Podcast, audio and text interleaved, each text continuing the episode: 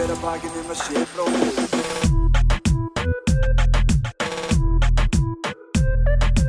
Hver að hver að bakið um að sé bróðir eigi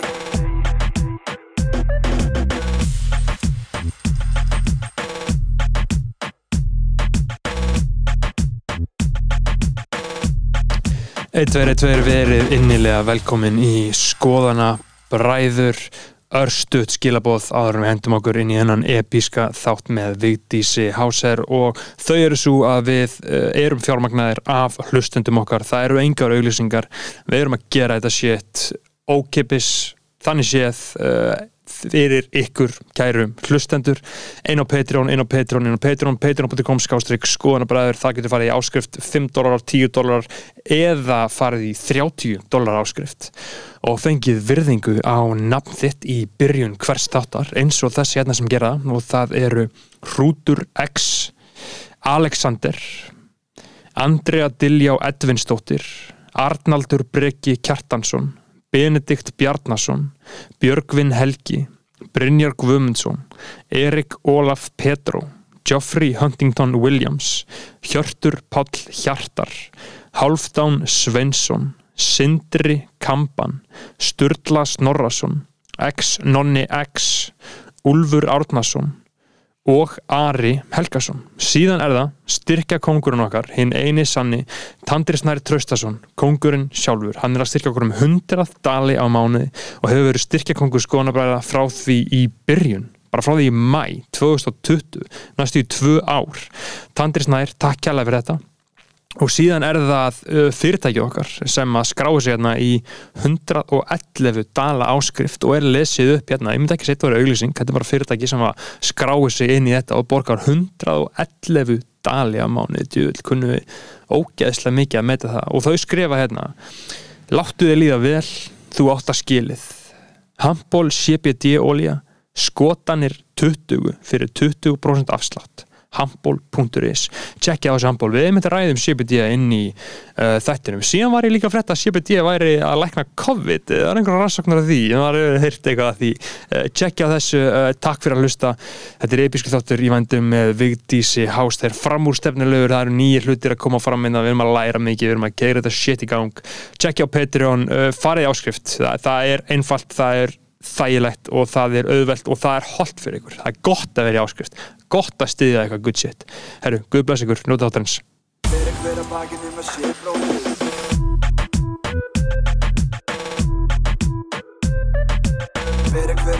um að sé bróðir Hver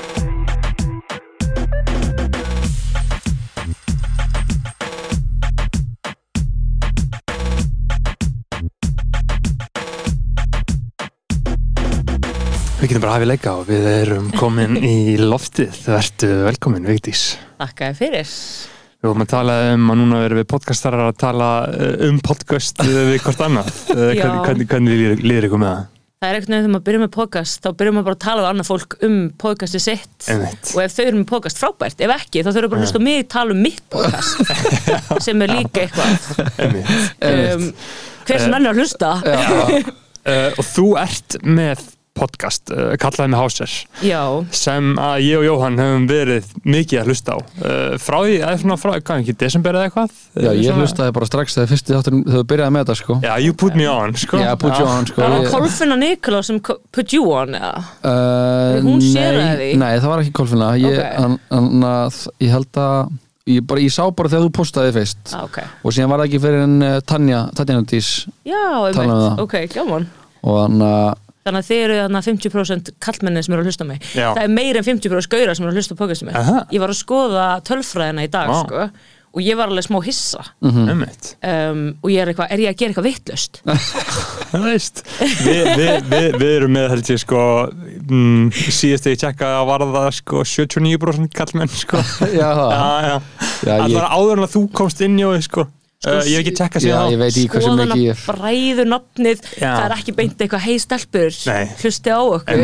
Við erum bræður með skoðanir gauður með skoðanir. Já, já. ég elska nafnið, vei vei þú veist, af því Já. ég vil gera ykkur ána Já, já, já. Einmitt, einmitt. Hérna, en bara vonandi. Já, já, og síðan vorum við alltaf um talað um það og vorum alltaf með svona nokkur umræðefni svona, og með svona sérstök scaring the hose umræðefni sem að voru sko fjölmiðlar uh, og handrit uh, og alls konar svona sem að, þú veist, uh, stelpur vilja kannski til að hlusta á Er það scaring the hose? Það, það voru, það voru scaring the hose umræðefni, umræðefni sko. Þetta er Ok, sko. já, ég held ég væri scaring the hose líka í mínu pókasti, en greinlega ekki, það er því þeir eru að hlusta. Já, Já, já, The main hose hérna. Já. Svo við kannski svona upplýsum hann að þá sem ekki uh, þá, þá sem hafa ekki hlusta á, á kallar með HCR uh, þú veist með sko podcastið vera svo mikið briljant að því að með þetta svona á að vera eins og þú sést mætt sjálfræði tíma og sjálfræðingurinn hafi ekki mætt. Og þú ert bara en þú ert að láta allt, þú ert bara að láta allt flakka. Og þú gera þess að það mikið til létt út og þú ert bara svona að þú veist, ég dýrka þetta svo mikið að það, þú, það er það er engin filter á, þú ert ekki að, svona, að reyna að fronta neitt.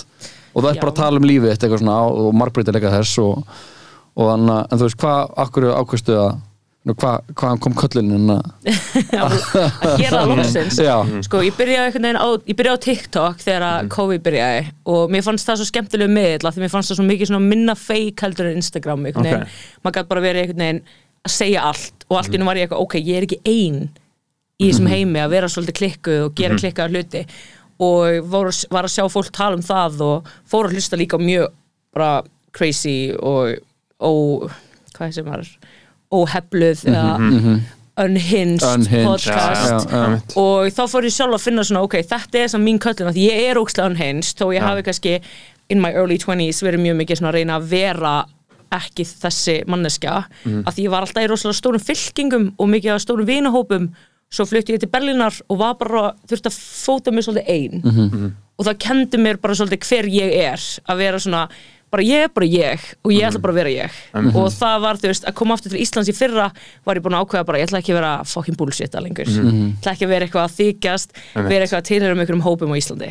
Einmitt, og það heyrist svo mikið í podcastinu þannig að það er margir að setja eitthvað fram og gera eitthvað efni. Hvað sem að sé, podcast er náttúrulega nokkuð skona raunveruleika þáttur eða eða hvað sem þetta er, þetta er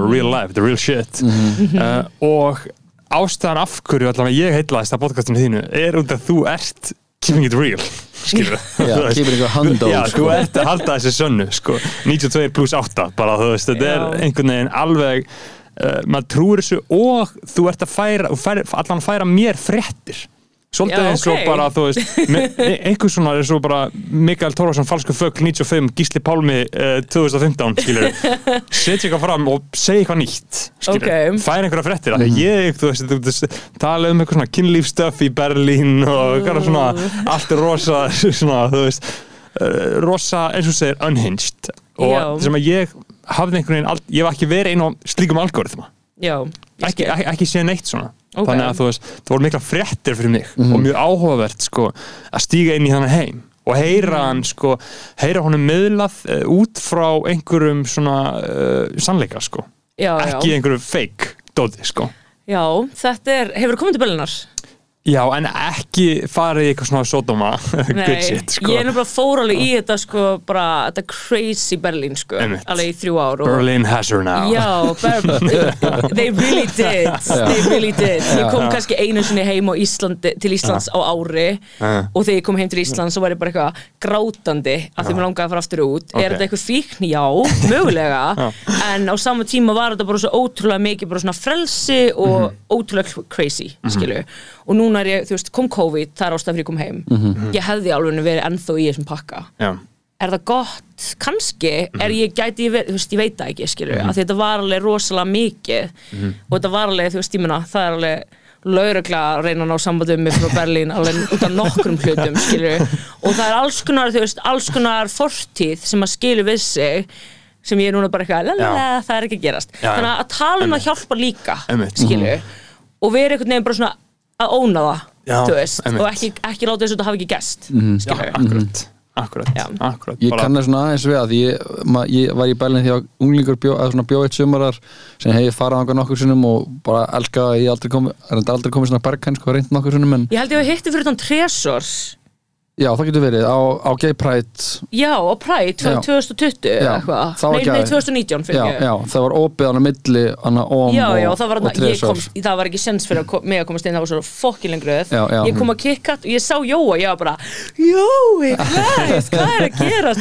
Og hann er eitthvað, æ, blessi maður, og ég eitthvað, eins og ég var alltaf á Já, þessu já. tímabili En já, ég mitt á því þar. Já, og, það, og þá svona, þetta var, þú veist, á Pride á mestu dingu bara, Mhm. bara og þá, f- þá sá ég svona smá, þú veist, það sem þú veist að lýsa bækja, þú svona, kannast ekki við, þú veist, það er bara þú veist, bara svona kynorkan er svo mikil að maður getur bara skorin í sneiðar og diltan á milli já. bara og, og, Mhm. en samt svona, það sem er svo fallegt er að það er algjört privacy.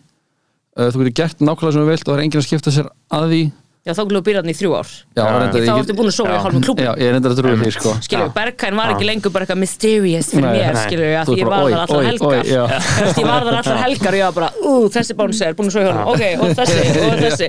Þetta varð, þetta varð einhvern veginn mjög crazy, skilju Einmitt, já, já. En þú veist, get tested, you guys, you know, og notið smokk, mjög mikilvægt, skilju.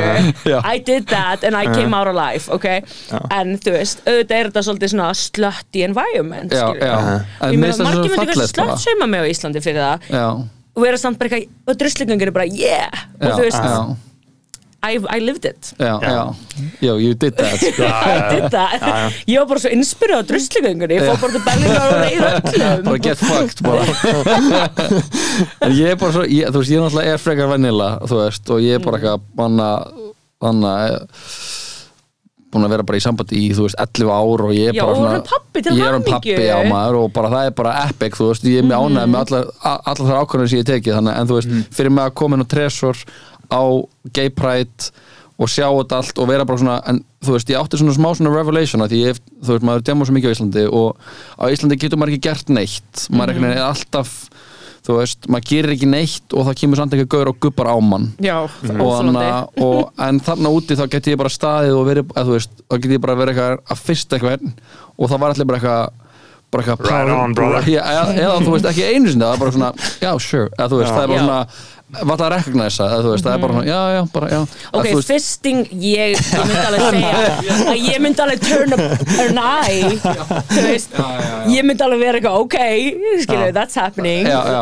ég skal kannski fara í burtu frá þessu að ég er ekki alveg þar, skilju Nei, nei, nei. en jú, ég veit hvað átt við. Já, ég er að tala um bara, þetta, þetta svona þetta, þetta pláss, þetta umtala Mhm. pláss sem við höfum talað svo mikið um síðust um space og við getum Já, dast eitthvað út. Dætt í út, já. Já, þetta er mækin Hello? Þetta er mækinn, Já, ok. Já, þetta Það er pláss, þú veist. Að að hafa rými og bara svona geta gert það sem þú vilt í þínu plássi þú ert út að skemmta þér sem er einhvern veginn það sem við könnumst ekki við hérna á Íslandi út af brengluðum svona, drenglu, eða svona já. eða engum drikkjukúltúr Mm, og svo er alltaf svo ógíslega falleg líka. Já, þú veist, að maður er bara alltaf bara vá, það er allir gorgeous, skiljur Mhm. þú veist, það, og, og á öðru sig ekki þessi hefðbunna, kannski íslenska fegur sem ég kannski fann mig aldrei almennilega í, Mhm. heldur þú veist, þegar ég kom að nú, þá var ég alltaf einu bara eitthvað gorgeous og Mhm. allir voru bara, vá, þú ert svo falleg og ekki eitthvað svona, "Ó, þú ert svo falleg og eitthvað svona ráðast á mig, já, já. heldur bara eitthvað svona þú veist, actually bara eitthvað Mhm. þú ert Guð. Og ég var bara, ok, þá er ég Guð. Eitthvað Mhm. eins og kann ég eitthvað, já, ég er Guð. Oh my god. I'm a god. Oh, kann ég getum við aðeins rætt um það? Já, ég held að við þurfum að gera það sko. Ég tengi allt og mikið við kann ég ég var náttúrulega kölluð Vigga Vest þegar ég var reykja okkur dætrum sko. Stelpuna kölluð mig Vigga Vest af því ég átti það til að taka Snapchati eða Instagrami og reykja okkur dætrum og bara go ham Já, skilju, já, og vera já. bara posta alls konar dóti og svo þurfti þú veist að dílita því og þá var þið vrildina hljómsveitina út af mér sko Vigga Vest. Já, ég man alveg eftir þessu sko. Ég tengi við hann sko. Já, já. og ég tengi við þess að hann er svo hurts.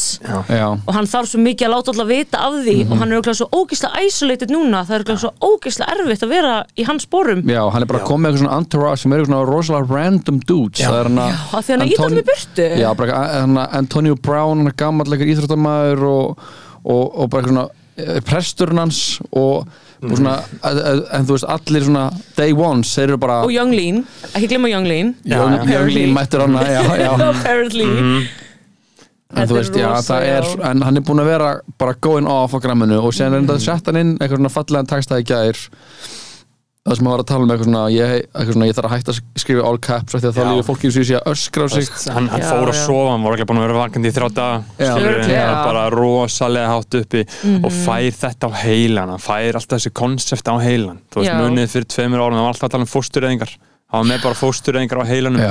og núna er með það á heilanum skiljanlega því að hann, hann upplifir hann sé að missa uh, fjölskylduna sína. Já. og þú veist hann upplifir það að hann er svolítið að, að hann er í rauninni að sko endur upplifa stóra áfall lífsins sem hann var að pappans fór frá honum.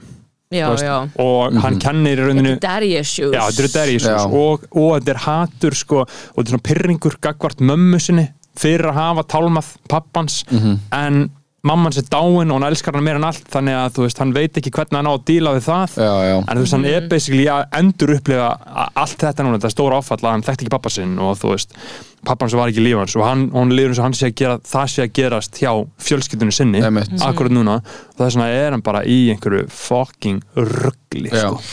Þetta er rosalega- sko. Þetta er rosalega svona, ég, sko, ég og svona sem vinnum mínu sem höfum dílað við svona mental issues, við erum að, við erum að horfa á þetta og við erum bara, fuck maður, ég hef gert það þú veist, Já, já. ég hef verið á Instagram stories að grenja bara, þú veist, út af Einmitt. því að einhver þú veist, ok, það hlutur til mig í Berlín sem voru crazy Mhm. þú veist, stundum var bara einhver sem hendi kaffibólla á þig út á meiri Já. götu eða hrækti á þig eða eitthvað þannig að þetta var alveg skiljanlega hluti skilu, já, já. þú veist, það, það er alveg krakkhausar út um allt skilu, þannig að þú veist, þú ert alveg að díla við skiljanlega hluti Mhm. en þetta var kannski ekki alveg svona beint eitthvað svona voða social media vænt að vera að fara og gráti við því og tala um það Einmitt. skilu og ég alveg svona, þá var ég bara svona öfa og þá var ég eitthvað gett trygguruð Mhm. og gerði það. Einmitt.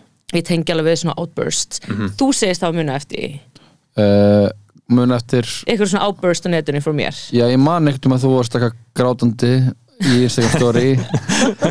Og ég man líka bara eftir Reykjavík tímbölinu þegar þú varst í Reykjavík og já, hann já, emitt og hann að þú tókst líka einu svona outburst á mig á prikinu ég get alveg trúa, ég veit að ég hef gert það. Ég við man- loga ég man mjög á vel eftir því, sko. Hvað gerði ég? þú að varst eitthvað að snappa og ég var að DJ-a og hann að Oh og þú varst eitthvað að, að öskra á mig eitthvað þú verður spilin eitthvað stelpur eitthvað þú er ekki Oh spilin eitthvað stelpur og ég er eitthvað þetta Ég- var það tímbil sko. Já, og ég var eitthvað, já, bara eitthvað, það er alveg rétt hjá þér og þannig að ég er gætt til ég bara eitthvað að taka þessi diskussjón Mhm. Einhvern seinna. not right here, not right now Mhm. og síðan eitthvað klára kvöldið og ég fer út og, og, og þá er háselin mætt ánga er ég bara að býða fyrir það? ég, ég, Nei, þú veist, þú varst, við fórum bara að lappa út á sama tíma kvöldið að ok, búið já. og þannig að þá eitthvað fer aftur að tala um þetta og ertu náttúrulega upp veðru eitthvað neginn og, held mér rómi í þetta og sko. síðan ertu farin að gráta oh my god cut it, cut it out nei, og, já, og, sé- og, og, embarrassing þú- og, og varst ekki að snappa mig og ég var bara eitthvað og þá var, ég- ég bara hendur upp í, upp í, upp í loft og segði bara, hey, veitis mér, ég veit ekki þannig að þú veist, ég veit ekki hvað að Sko. Mhm. segja sorry. Þetta eitthvað- gerist, já, þetta eitthvað, gerist. Ég fer að gráta, Mhm. ég Já. drulla yfir og svo fer ég burtu og kem aftur. Ég gert það við Já, já. ég hef actually gert það við þá, Já. grenjað og verið bara, you, eitthvað þeir eitthvað you're being really annoying, ég eitthvað, annoying? Is that a word you just learned in your big brain? Eh. svo kom, þú veist, labbaði ég burtu og kom aftur bara, I'm so sorry. Já, þetta er með svona hlutir, Já, já. en þetta er líka örglega ykkur eitulega við áfengi sem hafa spilað inn í þetta sko. já, og líka og ég, en, mjög emotional gagvart þessu á þessu tímbili var ég mjög mikið á móti því að þið væruð ekki að spila það sem ég vildi emitt, sem var basically bara Princess Nokia. Já, já, já, um, og Reykjavík dætur. Já, já, og ég var rosalega mikið litu inn í þessum heimi með Reykjavík dæturum að þið væru bara the devil emitt Basically. emitt, og ég man eins og eftir því að fór ég sko að því þú veist, ég var mjög mikið á prikkinu á þessu tímbili og ég bjóði hlýðin á prikkinu og ég fór eins og heim og ég fór á Twitter og ég var bara Logi Petro, du du du bara Já, að já. rulla yfir hann fyrir að hafa spilað lag með, ég man ekki hvað hvað lag þetta var, en það var eitthvað svona girl sucking dick í laginu. Já, by the way, sem er allt sem ég hlusta á. Já. ég hef búin að hlusta rap síðan ég var fokkin 12 ára og ég hlusta á mjög mikið og svona í dag, skilur, eitthvað svona 36 Mafia og eitthvað svona já, og ég var bara brjálið og hérna svo dílita ég þessu öllu Mhm. daginn eftir, en hann alltaf sá þetta og hann bara viti, þú veist, hvað er í gangi? Sko? sendi mér og Jeffrey báðu bara hei, þú veist, er ekki allir góður, skilju? Við skulum Mhm. Reyna betur næst, málið, þið vilja alltaf reyna betur næst sem er æði, skilju? En ég var bara svona á þessu tímbili mjög mikið í þessum pakka, skilju og er það ekkit lengur. Nei, nei, nei, nei, og ég og ég ég fyrirgaf þetta strax og ég, og, Já. og ég, man samt eftir þessu, sorry Já, mena, ég, þú veist, já, þú veist, þetta er bara, þetta er bara góð saga, þú veist, og þetta er bara eitthvað sem við eigum bara, þú veist, og það er fínt að hann Þannig að ég get tekið flestu sko hann að og en ég skil samt alveg einhverju, þú veist, ég skil ekki að því ég er, þú veist, gaur þú veist, en þetta dæmi, þú veist að ég get ekki beint sett mér þessu spora einhvern veginn að fá ekki anna að finna ekki fyrir þessu representationinu í, þú veist, einhverjum þú elskar, þú veist, í listina því ég er bara gaur sem elskar rapp og hlusta gaur að rappa, þannig að þú veist að einhverju leveli þá bara empathise ég með þessu og bara eitthvað og, og, þú veist, auðvitað, ég var bara going off the rails já, þú varst alltaf bara off the grid Já, ég var sko. bara off the grid, off the rails. Ég var alltaf bara að hanga með stelpunum Já, já. og við vorum bara eitthvað plotta. Og við vorum bara að rífast MC Gaut online og við vorum bara að í þennan online og það var bara rifrildur og þú veist, allt eitthvað svo intense að auðvitað var ég, kannski ég hafði ekki þessa skoðun. Nei, en svo byrjaði ég reykjutætturum og þá var þessu skoðun komin inn í mig sem er bara mjög mikið samt líka, einhver leiti þá lærði ég á þessum tíma að við þurfum líka að berast fyrir okkar representation og allt Já, já, þetta nákvæmlega. en kannski ekki ráðast á fólk meðan það er að DJ-a Nei, þú veist, það er, já, plays já, og líka bara, þú er veist, hvernig, hvernig, þú veist, svona diskussion á sér stað, þú veist, og, hva, og hvaða leiðir hægt að fara og, Já, af því ég var pottið að dansa upp á borðinu við hliðin og beint eftir ég satt við þig. Já, Af því þá, var líktilega sem ég gerði. I would be like dancing on the table og svo myndi ég snú mér að dítinu bara hvað er það sem þú að spila, skilur og svo myndi ég vera eitthvað, hei, barþjóð skot. Og svo eitthvað, hei, fá mjög skot. En þú ert fucking hálfviti þetta var very unhinged. En þú, hvað varst það lengi í, Reyk- í Reykjavík, hvað, þrjú ár? Þrjú ári, já, Mhm. já, og svo hætti ég og slash var já, eitthvað þannig. Já. og fór út. Já, fórstu, Berlina þá eða? Nei, ég held að ég fari oh, þetta er sko allt svo mikið eitthvað veist svona, þurrkast í eitt en ég held ég við hætt 2016 og ég fór út 2018 já, Já, ég fór já. um á hróarskjöldu 2016 svo fór ég út 2008, byrjun 2018 Mhm. Einmitt, Reykjavík þetta er náttúrulega búin að vera rosalega lengi Allt of starfandi. lengi. Hvað hva, hva, hva, hvað finnst þið vera besta tímambil? uh, sem ég var í auðvitað, Já. of course Og hvað, það var 2013 til 16? Já, Já, ég, við, þú veist, fyrsta platan sem kom út þá var ég eitthvað áttalögum skrifaði Mhm. áttalög af tólf. Og það var óslega gaman. Og þá var líka þegar kolfinu var þú veist, Mhm. þetta var actual punk. En ok, respect them now whatever Já. you're doing, Eurovision and everything. That's fun. Já. it's just not me. Nei, you do you, Einmitt. it's just not me. Einmitt. Þú veist, þú- þú veist, þú veist að það er actual punk. Þér ekki að vera punk lengur, eða? Eurovision Mm. Eurovision gripur punk. Það er bara þannig. Já, skilju, sjá Silvi Nótt draf Silvi, skilju, Já. sjá Hattari hvað er Hattari búin að gera síðan? Uh, þeir eru um að hann að frelsa Palestínu. Já, pólitískir leiðtóar Mm. skilur, nei, þú veist ég elska þær. Mm. kind of, Mhm. þú veist, sumaræðum Mhm. sumaræðum er ágætar. Já, auðvitað. En já, ég held að það sé það er hann náttúrulega er erfitt að þú veist ég var alltaf þeirra skoðana þegar Hattari fór í yfir sem væri bara eitthvað ég var alveg bara svona, já, emitt eitthvað, Mhm. já, þetta er gjörningur já, já, já, já, emitt uh, þetta er mjög erfitt að einhvern veginn að hann ætla að vera eitthvað, já, ég ætla að fara hann inn og ég ætla að breyta kerfinu þannig að ég gegnum þess að söngakefni Evrósku, þú veist, söngakefnina þú veist, eitthvað Eurovision, þú veist það er bara aldrei að fara að gerast. Nei, það er aldrei að fara að Eurovision hefur ekki verið gott síðan Abba fór, skilur Nei, það var Og þetta Gleðibankinn, Já, það var þetta legendary þegar hasn't been good since the 80s Það er náttúrulega bara líka bara Það er mjög erfitt að gera góða tónlist uh, þegar hún er gerð í þeim tilgangi að sigra keppni Já, Já, skil ég að meina. 100%. ég, ég, get haft, ég, ég get haft rosalega gaman af mjög góðu poppi. Þú veist ég er ekki að heita á pop almennt, bara mjög masterful í kraftað pop það er alltaf út frá einhverju öðru en að vinna keppni. Já, skil ég, þú veist, það er svo- svolítið munur sko. já og, en, og, en það sem líka bara er einhvern veginn svona ef þú ætlar ekki að fara, ég ætla í Eurovision ef þú spyrir söngakefni, ég ætla í söngakefna ég ætla í Eurovision, ég ætla að vinna þetta shit eitthvað. Þú veist, ég held að þú veist, þegar Lorín fer með Euphoria, er hún eitt eitthvað ég ætla að vinna þetta shit, þú veist, hún er bara með bara eitthvað feitt lag og bara eitthvað, heyrðu. Euphoria samt. Það er- hvað það gott? var gott. Það er gott. e, þú veist, það, er eru lögan inn á milli, þú veist, þegar Sebastian Tellier fer að tekur þátt og Gálega það. Anna, Sebastian Tellier fór, já, já, Anna, ég man ekki hvað þetta er. Ég fílaði Tattoo sko Já maður, veist, það Fór var Tatu Tatu fór Eurovision All the things- all the things you said Já. Var það Já. Eurovision lag? Já, maður Var það upprænlega það lag var Eurovision Já, en það var Ég- ég- queerbaiting, það ég- voru þykist fyrir lesbíur og voru það ekki Já, Þannig að eitthvað það svoleiðis. sökka eftir á, skilur Já, ég, ég, ég man, Samt svo ég man gott eftir lag. þessu Samt sko, svo gott lag. geggjulag sko. uh, og það kom upp sko að það voru næstu í sko reknar og keppni af, Fyrir að fara því í að, það- sleik. af því að það voru Já. of, orðnar of frægar það vaktu of, of mikla aðtegli Já. og að þú mátt bara vera x-frægur til þess að fara í Eurovision ég man eftir þetta var Mm. Ég veit að ekki þegar- okkur þetta er að deyja að það gerist fyrir þær Já, Já, en þú Ok, veist það, er- það, að það er, Er þetta uncut allt sem við erum að Þetta er gera? uncut, við erum live and uncut hérna. Erum við live? Nei, við erum ekki live, en sko, við erum ekki live sko. En við vitum alveg að þú veist, fólk má auðvitað fara í Eurovision what, bara fucking veist Já, let's bara- go Já, ég bara- er líka bara all jokes. Já, já, þetta er bare auðvitað, banter auðvitað. hérna, þetta er bara hana bergkæn banterinn í gangi hérna sko.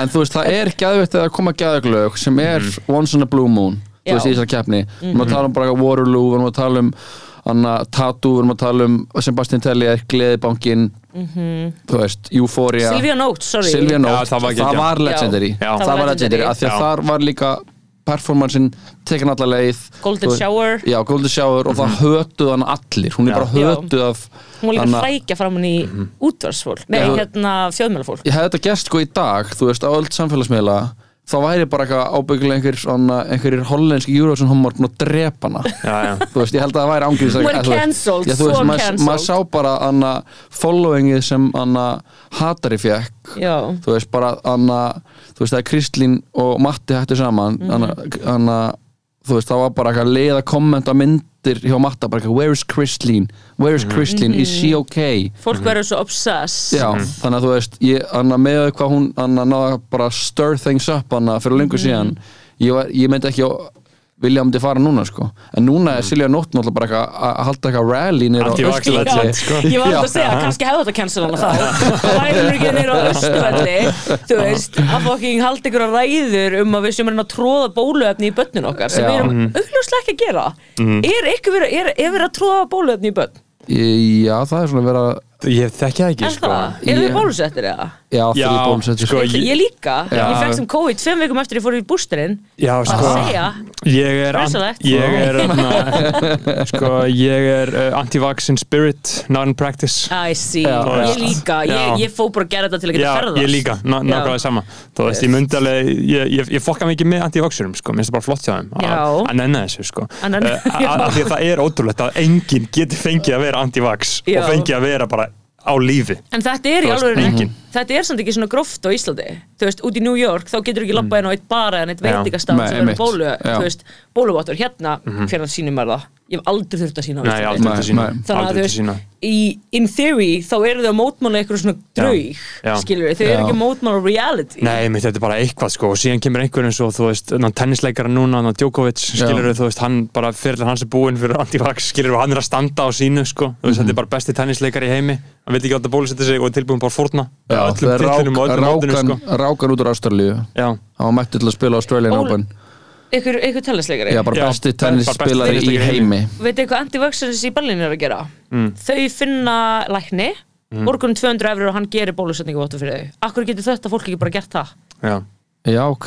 Af hverju er að láta eiginlega career? Þú veist, Ég hef alveg mjög tæpa vini í Berlín sem myndu taka þú veist hvað sem af að gólfinu og setja upp í nefið að raskata á sér. En þau myndu ekki láta bólusetja sig Já, skilurðu. já, já. og vinkunum mín, hún er úti hún er búin að vera að fara núna bara allstar þú veist, með Mhm. fake bólusetningavottorð ok, ég veit, hlustundur ekki dæma mig, ég Mhm. er búin að segja við hana hey girl, en hún er bara eitthvað "Að einasti fyrirni líka minn er ketamin og botox you do you babe. Þig. En hún er með fake bólusetningavottorð Ég held ekki að Botox sé, þú veist, ég held að sé eitt me- svona eitrast efni í heiminum. Don't even get me started. Hún er bara, hún er rosalega hún er jakkum mér, hún er með svo mikið botox. Þú þarft ekki að fá svona mikið botox á mínum aldrei sko. en Reyndar hef ég heyrt að ef maður ætlar að fá sér Botox þá verður maður að byrja snemma.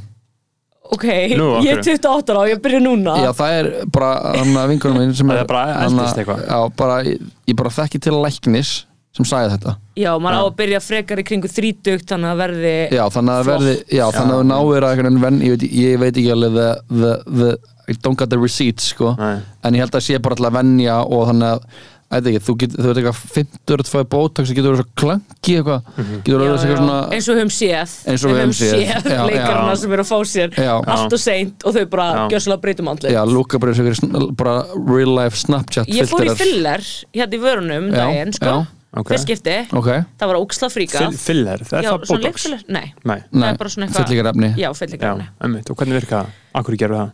eh, bara mér langaði stærri varir Já, respect. Þetta er mjög bara að fara í vinsælt klippingu eða eitthvað? Já, já, einmitt. Og ég fæði bara smá bara aðeins til að plömpa upp já, hálfsbreytu, ég tók vlogg um það. Ok. ég var bara eftir að edita og gefa það út Ok, ok. á YouTube, en það verður fyrsta vloggið mitt sem er að fara að koma út. Yes. ég þurfti að fá svona stóra nálinu mig. Þetta er svo fríka og ég vildi ekki setja hérna deyfingarkremi deyfingakrem af því ég vildi finna fyrir þessu Ok. skilur don't ask why I just like the pain já, og ég fekk þetta og þetta var alveg þetta var alveg svona, þetta var alveg eitt af versta sem ég hef gert sko. Aha.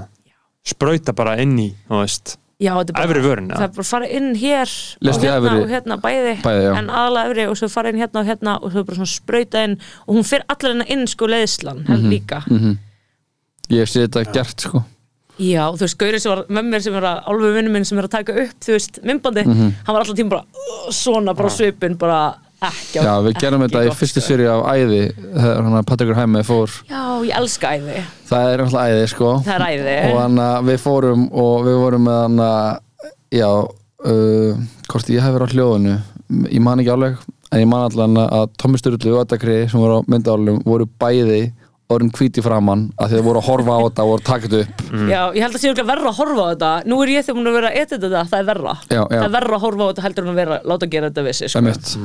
en þetta er orðið mjög algengt sko Mhm. og þetta er Já. bara held að, þú veist, þetta er bara It's come to stay já, og þetta er líka svona frekar ódýrt, þannig séð Ég borgaði 25 skall já, ok fyrir halva sprötu Það En ég er- fór, er- ég er fór þetta líka í? Hamraborginni sko. Já ok, það er endur eitthvað ratchet eitthvað, Eitthvað dodgy dæmi sko. Já, Já, bara, æ, bara Alveg shit. Já, já, já, já. Ég hef líka heyrt að maður til ítalinnis þá eru þeir bara eitthvað, já þú þarf líka aðstátt að lifta hér og hér og hér. Ég þeir fara bara í hem. Þannig ég fór bara til snirtifræðings sem er líka hjúkurumfræðingur sem hún segir og I'm happy. Já. hún vildi ekki, hún ítti ekki á mig að gera neitt meira. Nei, nei. Nei, ok. ég spurði sko því ég var hann að þá var ég bara, herru, hvað, ef ég kemur inn bara, með bara búnt og segi bara, bara Fuck- do, fuck do, me up, fam. do me, do me. Hún var eitthvað, nei, þú ert bara flottur eins og ég bara, herru, ef ég kemur inn með búnt og segi bara do me, hvað myndur þú segja já ok, þá myndur við byrja hann að sle- sletta þessu nefinu myndur gefa svona fyllingu kinnarnar Oh og myndur svona, og ég og ég bara, herru, stopp, stopp, stopp ég vil ekki heyra meira, bara ekki Já. koma sem hugmyndir með hausuna mér bara, Nei, þetta er toxic, þetta er svo toxic í heilan já, sko. þetta er það sko af því þú veist um leið og ég fekk mig smá og ég var bara gett ánum þá er ég bara, á maður langar aðeins meira og ekki að fara að Já. koma fimm viðbót þá er ég bara, veit ég hættu, þetta er alveg sem með tattoo mín skilur, allt í er ég með tattoo allstað Já, já, sem já. gerðist bara Já. maður verður bara háður svona einhverjum breytingum ef Já. maður er eitthvað smá Já, allt svona Það bara það er satisfying að breyta sér aðeins sko. Já, ertu með tattoo? Já.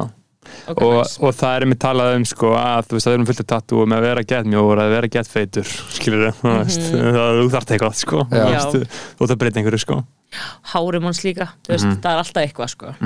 en mér langar líka að segja með þig ok, æði er æði Mhm. en síning sem þú, sko toppurinn sem þú hefur gert Mhm. er einhver síning sem þú gerði allavega í eitthvað mann sem var þarna þrekaverkið vatni gott já, sem hann á gæðat lengi hann á ekkert gerðist. Ok, ég sko ég ætla bara að segja, ég fór svo ógislega friðin á þessa síningu Mhm. og ég var eiginlega komin í svona lúppu að ég held ég væri í helvíti. Já, já, af því ég vissi ekki að þetta væri eitthvað svona þrekverk. Ég var bara eitthvað af hverju allir orðinir svona pyrraðir já, er það út af mér? Ég var bara fríka út, ég var rifið upp í stræti og leininga, ég Já. var bara eitthvað að hugsa um þetta og er bara eitthvað, já, þá Jói. Eitthvað, ég fór að sjá þessa sýningu og ég rekti ekki að feta Jóni fyrir það Já. og svo var ég bara að setja þetta bara eitthvað af hverju er allir svona pyrraðir þetta er bara sýning, það er söguþráður í gangi. Ég var ekkert að fatta, þetta var einhver endutekning og þetta væri bara bara ekkert að gerast. ekkert að gerast. Já. ég held bara, ég væri komin í eitthvað svona já. og ekkert verið að gerast. Já, já Já, það, ég, ég elska þá síningu sko. ég er með náttúrulega vatni gott vatn. mm tattúraði á mig sko. já, og Já, ég fór á hana, ég satt við hliðin á Pétur Kjernan sko, uh, talandi um reyðan mann sko, hann var mjög reyður á þessara sýningu það sko. voru svo margir reyður á þessari Já. sýningu. Mér finnst þetta að vera típist Íslendingar. Mm.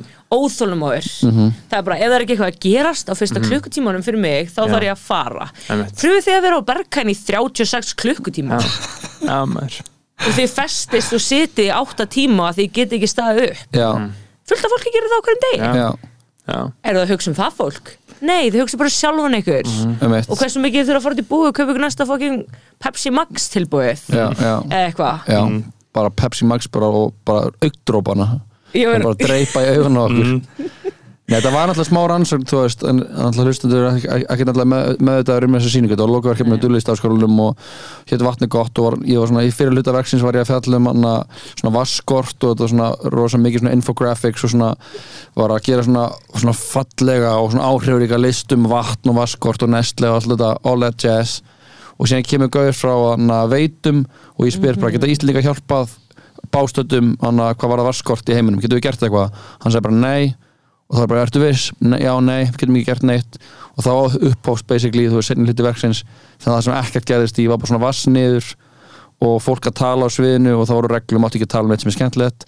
Ef einhver hló þá þurftu að fara út af og eitthvað svona. Og þannig Já, að þú settur svona reglu fyrir leikarna Já, já. Þú varst líka á suðinu Já. og þannig að og þetta var svona smá rannsókn á því að, að þú veist, að ég var að reyna að búa til samegi fyrir áhörundu þar sem við gáttum tekið afstöðu, þú veist, að það bara já, fa maður fattar svona frekar fljótt það er ekkert að vera að gerast og þá getið þið bara farið en að því að En hvað með mig? já, þú veist, ég gæti ekki sett inn í gæti Ég er á frið til að fatta hvað er í Já, ég- gangi ég- ég- Ég sé þetta bara Er ég í helvíti? já, það, Er þetta að gerast aftur? það er svona variable sem ég gæti kannski ekki alveg tekið teki inni, neða þú veist að því ég er eitthvað elsti byrja leikúsi og það er alltaf eitthvað svona, og við erum svo meðvirk, þú veist maður horfir á eitthvað sem er ógustlega legalegt og talar ekki timmans og maður er bara eitthvað já, einmitt, einmitt, ég er í leikúsi þetta er gaman, ég er í leikúsi og síðan bara klappa maður, maður borgar sjöfuskallir meðan þannig ég var alltaf með þetta á heilanum. Já, já, eitt og, en þú veist, það sem gerist líka var að það, þetta vakti mikil anna hurhjú fólki sem hefur brjálæðir mm -hmm. byrja kjarnan á brjálæðir Hver er Pétur Kjarnan? það er, Vi- Vinur okkar. það er mjög góð vinnur okkar hann er, Ah, hann, ok, ok. hann, hann er different breed sko og hann og, og Er hann alltaf reyður eða? nei, hann er, Nei, hann, hann er ekki. hann er ekki En þú hann en- reyðan? En, en, en hann, hann svona pyrrar sig á svona hlutum. Já, Það er svona Ah. akkurat stöffið sem Já. pyrrar hann. Já, Akkurat ok. það sem svona. hann hefur ekki stjórn einhvern veginn, þú veist. En hann er ekki reyður almennt sko. En Nei, hann akkurat þetta. já, hann er mjög ljúi strákur en þetta, var- þetta var alveg svona, þetta var eins lítið fyrir hann og, og mögulegt var, þú veist. Mm, og þannig að en sem, sem fólk kom upp mér á prikinu og var bara drullaðið mig. Bara drullaðið mig, þú veist, og ég var bara svona, jó Kannski þástafrið í drulla yfir Kannski var þetta eitthvað svona eftirköst. Kannski get, já, það getur verið þetta hafi eitthvað svona resentment sem, já, Mögulega, já, kannski já, var búið bú byggjast inn í mér. Nei, Já. ég var ógislega ánað eftir þessa sýningu. Já. Ég var ógislega gaman. Já, já, Ég já, kom út gaman, bara, ég kom út að bara, sko. wow, ég elskar Já. þetta að augra mér og ég elskar þetta, þú veist, I ég love elskar þetta að festa mig já, já, þar sem ég get ekki farið og allir eru ekki að vandralegir og allir eru reyðir, Já, kaos, já. love it. já. Getur þú sagt þannig okkur aðeins svona frá hænunni, frá berghæn Er það ástæð fyrir fengum mig enga? Nei, ég held að það sé bara að, þau, að þau erum að tala um leikhús og við erum að tala um eitthvað svona eitthvað, að því að þú veist, ég hef ekki komast inn, ég hef reynd mjög ofta að komast inn Ó, þetta er komið mér. Ég þarf að koma Ég þér er búin að ríða öllum. Ég kemur inn. Ég fór einu sem, sem með, átna, með átna skengi röðinu og, og, og hann þekkti til röðinu og hann var bara sorry hverjar Já, að þið voru margir. við vorum, vorum bara þrýr sko Já, það er samt ómikið. Já, það voru margir Það er en, ómikið, en, sko. en það sem maður hefur heyrt þá er ritaðar bara fræðigreinar um Berghain og, og, og um að þar í sérunni ríki bara önnur lögumál heldur en í hinnum mm þetta heimi Þetta er besti, besti staður í heimi, sko. Já, og þetta er náttúrulega bara eitthvað svona fenomenon út af fyrir sig Mm, þetta er náttúrulega bræðið, sko. Já, og ég held að það væri bara gaman fyrir hlustendur að svona, það sé að fara í the dirty deeds en bara svona aðeins að svona, Hvað, hvað er þetta? já, Já, þetta er alveg svolítið svona bara þú veist, þetta er ekki bara klúpur nei, þetta er klálega eitthvað svona eitthvað skonar heimur sem þú, ef þú býrð þarna ef þú ert ekki bara túristi, það er úrslega gaman fyrir túrista að fara. Og ég hef farið með marga túrista þarna þau sem hafa komið og heimsótt mig frá Íslandi svo mikið að meira þess að dyrraverðinu sögðu okkur um tímpúndi we this, we see what you're doing. Mhm, mhm. Og að því ég var alltaf að koma með vinnu mína. En ég fór oft bara ein.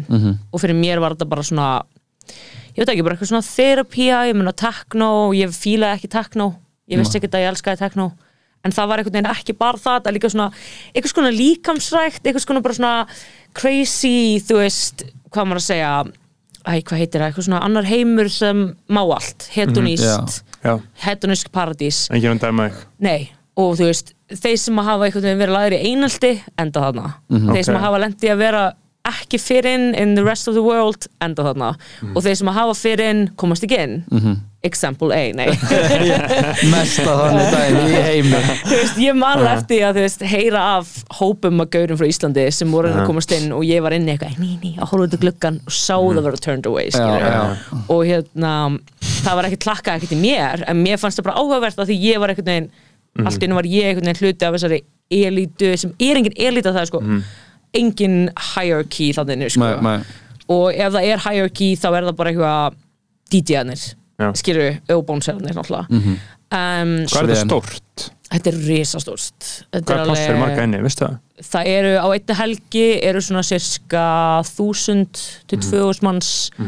Uh, það er mest á sunnundaskvöldi þá er bara tróðið þú veist, það er opið frá laugadegi til mánudags. Þannig að laugardagskvöldinu þá eru túristarnir þú veist, fólk frá sunnundaskvöldunum fari ekki laugardagskvöldunum svo fer það í church sem er á sunnudum og þetta kallað bara kirkjan.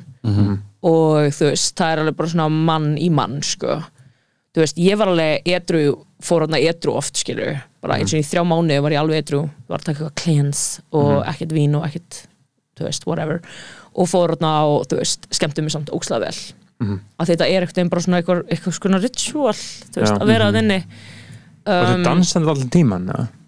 Basically, sko, ég held að skrefin sem ég voru að fara í voru 70.000 Vá, Já.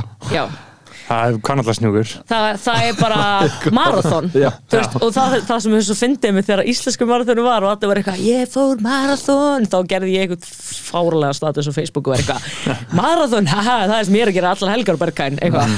Það var basically það sem vorum að gera, þú veist, þetta er eitthvað 70-80 skref fyrir tvo daga og ég held að mesta sem ég var að var eitthvað 38 klukkutímar, klukkutímar, uh, klukkutímar fyrir ég ans að fara út. Um, og það er bara því að það er óslega erfitt að fara út. Það er ekki Akkurat. svona erfitt að komast inn það er erfitt að fara út sko. Af því þú ert bara um leið og kemst inn þá viltu ekki fara. Og ég, þú veist, hugsa um hennar stað á hverjum degi. Jafnvel þó að sé núna, ég fór í november, þá fór ég út og fór okkar uh, í meðu COVID. Og það var ógislega surrealist að vera þarna eftir COVID einhvern veginn mér þess að fólk væri ekki eins næs og fyrir COVID, mér líður þess að fólk sé búið að breyta svolítið eftir COVID, Já, já. það er allir áttum meira stressaðir, það er ekki, þú veist, ég finna bara í sjálfum mér að maður er með smá meiri félagskviða og Já, svona. og algjörlega, þú veist, við erum búin að gangi gegnum tráma saman sem, Ja, þú veist, for society, for Já. real þú veist, og þannig að mér fannst það öðru sí í november, en á, fyrir, þú veist, fyrir það, fyrir COVID, þá var þetta bara besta í heimi, sko.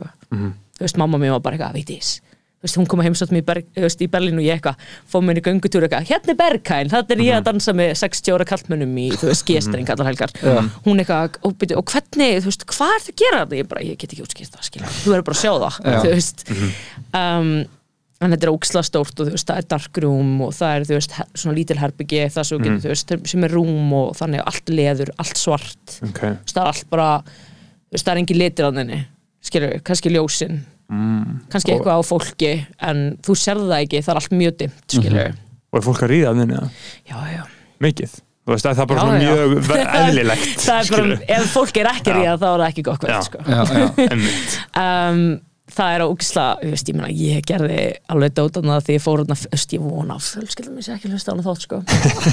af því að þetta er alveg svona eitthvað sem ég myndi alveg segja þetta er ástæð fyrir ég auglýs ekki kallaði mig hásir mikið af því ég vil helst bara halda þessu seti fyrir mig en hérna, fyrst þegar ég fór þarna þá þú veist var ég bara í, veist, í fyrstu þrjú skiptina eitthvað, þá fór ég bara í svona eitthvað vá, hvað þetta er endislegt og frábært og hitt ykkur eitthvað gaur og þú veist, reyðanum skilur eða þú veist, tvo á saman tíma. Og svo fór ég helgin eftir og fattaði að það sem ég var í ríðunum var á dansskólinu það var ekkert eitthvað í ykkur herbyggi Uh, ég fekk bara flashback, ég bara, býttu, ég var bara hér. Já, já. hvernig, skilju, ok það góða við þetta er að þetta kvöld voru bara geigur að hana ok, þannig að þú veist, þeir eru ekki einu svona spá í hvað eitthvað gæll er að gera á dansskólinu skilju, þannig að ég var svona freka falin að mér fannst, ég var bara ok þú veist, en svo náttúrulega fekk maður alveg svona að finna fyrir kannski setna eitthvað svona ef maður var búin að ríða nokkuð sem inni þá fekk maður, þú veist, einhvern gauð sem var eitthvað já, ég er ekki að skotin í þér en ég er bara búin að sjá þér ríða oft hérna og ég eitthvað ok, fuck you, skilju with the slut shaming Já. skilju já. Uh, ég ætla ekki að afsaka það og ég segi það núna eftir COVID var ég svo þakklátt fyrir að hafa átt hennan tíma út af því ég actually fucking fekk eitthvað frelsi og eitthvað sem kannski ekki allir fá að upplifa já, já. nei. þú veist, og það var fucking gaman já. Já, Og- þetta er eitthvað sem bara fæstir fá Já, að já. upplifa sko. Þetta er eitthvað sem fólk horfður í bíómyndum og er bara eitthvað, Já. oh my god, orgir í bíómyndum ég, Það gerast, skilur Já, já. En líka bara svo ókslega gaman Þetta er besta kynlíf sem ég stunda mm Mhm. Littur í þegar vita hvernig ég á að láta stelpu skorta Þannig úti, sko. Einmitt. Já. Og þjóðverjar vita bara hvað er að gera. Já. og það er bara ekki að sama á Íslandi. Sorry, ég Nei, líka er ekki þú veist, á Íslandi, ég er meira eitthvað svona já ok, og hvað er þú veist á ég að pegga þig eða, nei Mhm. þú veist og það er bara, ha? Ég ætlaði bara að byrja með þér eftir að hittst einu sinni eitthvað, ok. Erum við ekki bara í okkur sambandi eða, eða þú veist, ég veit það ekki, ég er Mhm. eitthvað svona alveg fakt, ég veit ekki hvort ég sé eitthvað svona skrýpu á Íslandi smá Mhm. en í Berlín er ég alls ekki, ég er mjög saklus í Berlín Mhm. mm Uh, Open samband, þú tala mikið um þau í podcastinu. Já, ég verið nokkrum. Já. Það er Hvað- samband sem ég verið ég hef bara svona, ég á fjóra kærasta eiginlega alltaf. Og ég meina, uh, gangað upp? Nei, Já, I was alone on Valentine's, já, so goddamn, skilu. Það var bara í fyrir þetta, það var ennþá COVID ég var upp á COVID-hótelinu, en ég fekk svona tvær sendingar frá ykkur um, skilu. Þú veist. Varstu á, á, á COVID hótelinu á Valentine's? Já, Ok, það sé harsh. Já, en það, var sendt, það var sendt mér sko flateg pizza, vín, bjór, súkulæði, þú veist, frá aðdáðandum, skilu. Ok, ok. Af því Nice. ég auglist á Instagram, ég var bara, hey, I'm alone, Já. sendi mig gafir, Já, ég skal já. senda ykkur herbyggisnúmeri, skilu. Svo allt í henni hætti sem bara ekki að ringja Mhm. og ég fekk, þú veist, nokkur sendingar. Gæðt ekki Takk. en, en, en, en, en þessi opnu sambandi, ég meina, veistu um einhver uh, success case af bara fólki sem þú þekkir, eða? Já, þú veist, ég, meina, ég var alveg, já, þú veist, successful opnið sambandi, þannig séð, við hættum bara saman. Já. En við vorum saman í þrjú ár. Og okkur fannst við vera mjög successful. Já, og en svo er með tættu hann er íslenskur. Og svo bara um leið að við hættum saman, það byrjaði bara mannaði stelpu. Þannig að nú erum bara, þú veist, mannaði stelpu. And it's been like a few years so I have to get over it, skilur en ég meina, þú veist opin sambund og ekki opin sambund ég bara fíla að deyta nokkra í einu. Nema, ok, if I don't see a ring then who, what we're doing ég er 28 ára, skilur sjáðu ykkur, þeir eru búin að vera saman ógslega lengi. Við getum ekki öll fengið þetta en mér langar í þetta smá. Þú veist, mér langar bara að finna hana eina rétta eða einu réttu þar sem þetta er bara djung og ef ég finn Já. það ekki strax I'm, I'm gonna keep playing my field. Einmitt. Er það að virka? Eh, veit ekki Ég meina að þú ert að reyna. Meina, þú, ert að, þú, ert að, þú ert bara keira þitt program, skilja, pró, prófaði áfram. Ok, ég vil líka deyta svo mikla lúsera sko. Þú veist, ég veit ekki hvað ég er með eitthvað lúsera trakt Ís, í, segur. í, Íslendinga þá helst eða? Nei, þú veist, í, þú veist Berlín, þú veist, flestir sem ég deytaði þar voru eitthvað svona alveg case, sko. Þú veist, eitthvað verkamæður sem er ókslega heitur í byrjun og svo er hann bara með kann ég verst bipolar, skilu og svo allt í henni er hann bara, þú veist, ekki lífinu mín lengur. Og svo allt í henni er upp á spítala að því hann reyndi að fara með skilu, eða eitthvað, þú veist, ég hef verið í kringum rosalega erfið case, einhvern veginn en verið ástangina. Já, já. Ertu bara I can save him eða? Ég, ég öruglega, Já. það er það sem ég segi en ég, þú I can veist, change him. Já en þú veist málega er að því ég held alltaf að ég sé svo klikkuð. Þannig að ég, en svo eru allir vinnum mín alltaf að segja, Vítis, þú ert ekki klikkuð.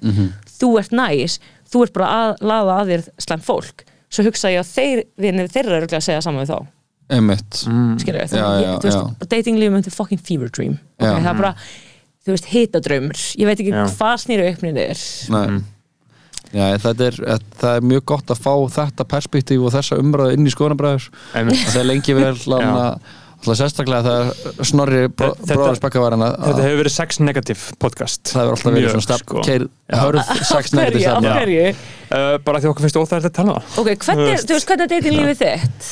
Bara uh, ansnaði datinglífið þitt Hvernig er það? Uh, Það er bara svona, þú veist, uh, sallarólegt sko. Hvað fyrir sallar rólegt? Boring? um, Já, mjög boring Ok. Mjög Áttu kærastu? Nei, Kærasta? nei öðna, uh, bara mjög boring bara hittir svona stelpur hér og þar skilur á prikkinu eða eitthvað? Nei, ég er svona uh, eiginlega komin út í því sko uh, Um, en þú veist, það er bara svona þú veist DM. Já, bara eitthvað svona rosalega basic sko og þú veist, og ég finn skilur skömm hellast yfir mig að þurfa að tala um það skil, skil, skil, skil, skil ég hvað ég meina Hvernig heldur það mér líði?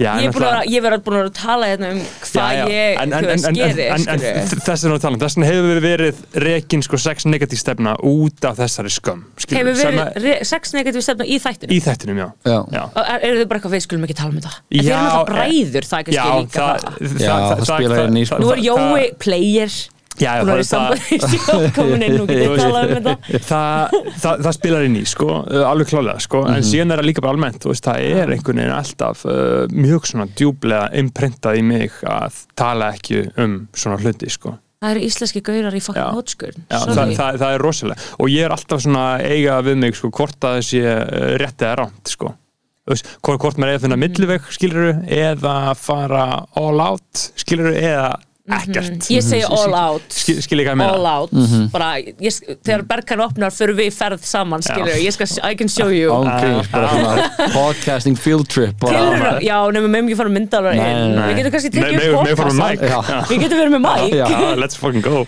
En án jóksamt, ég skil að þetta er svo mikið íslendingar Íslenski strákar bara mjög, eru mjög svona djúblega rútað í kultúrum er og, það. og, og í mínu fjölskyldu kerfi skilur, Já, þú veist, ég hef aldrei nokkuð tíma talað við fóreldra mína um neitt sem tengist kynlífi ever nokkuð tíma bara þú veist og ég, þú veist, það hættist þeim rosalega skömm að segja þetta upp átt þetta er samt mjög ég, ég, ég eðlilegt. tryggrast Já, skil já. ég hvað meina.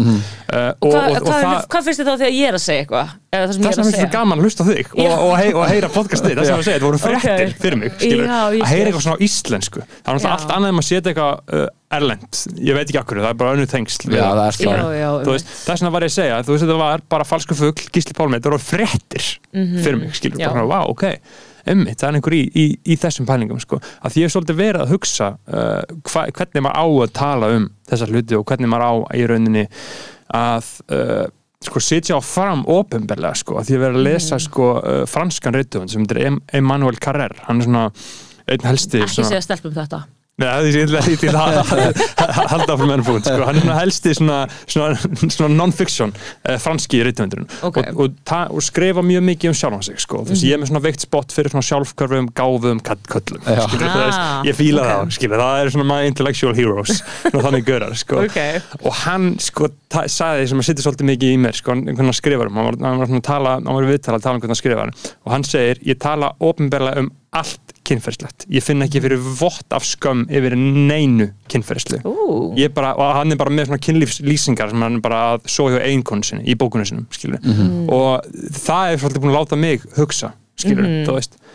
Uh, ok, já, ég er andstæðan við þetta Já. skilur, þú veist, ég er andstæðan við þetta og allir sem ég þekki já, já. eru andstæðan Nei, þú skilur ekki hvað við þetta er fyrir mig sem konu sem langar að sofa hjá fólki á Íslandi og er búin að vera að þú koma þetta til Íslands aftur og svo er ég eitthvað svona haha, tala við gauðra, kannski á þú veist dröngana, whatever og við skiptum svo upplýsingum. Þeir fara heim, þeir senda mér þú ert ógstlega heit, mér langar að hitta þig mér langar að fara að date með og ég er eitthvað, ok, nice, spennt fyrir daginn eftir blokk, eða þeir eru að kæristu eða, æ, þú veist ég er ekki að ná að einhvern veginn tækla hann heim nógu vel hérna, sko. Að því mér finnst allir vera svolítið svona bældir og meira þess að þeir sem eiga kærustu eru bara eitthvað að reyna að fara til hliðar á kærustun sinni Einmitt. og senda mér hæ, bara eitthvað undir fölsku flaggi. Mhm. og þetta kemur í einmitt þessa einhvern veginn svona bælingu Já, já. þá fara þeir í svo djúp. sambönd sem þeir langar ekki í hvað ertu gamall? 26 Já, ok, þú veist, þeir eru aðeins yngri en strákinni sem Já. Mhm. ég er svona að fá skilabóð frá sem eiga kæristu bæði og ég sendi kæristunum alltaf bara ég er ekki, þú veist, no bullshit gæla ég er ekki að fara að Mhm. Nei. Mhm. tala við ykkur gaur sem á kæristu en þeir eru bara eitthvað svona reyna að perrast í mér af því þið vita að ég er opinn Já. en þeir eru aldrei að fara að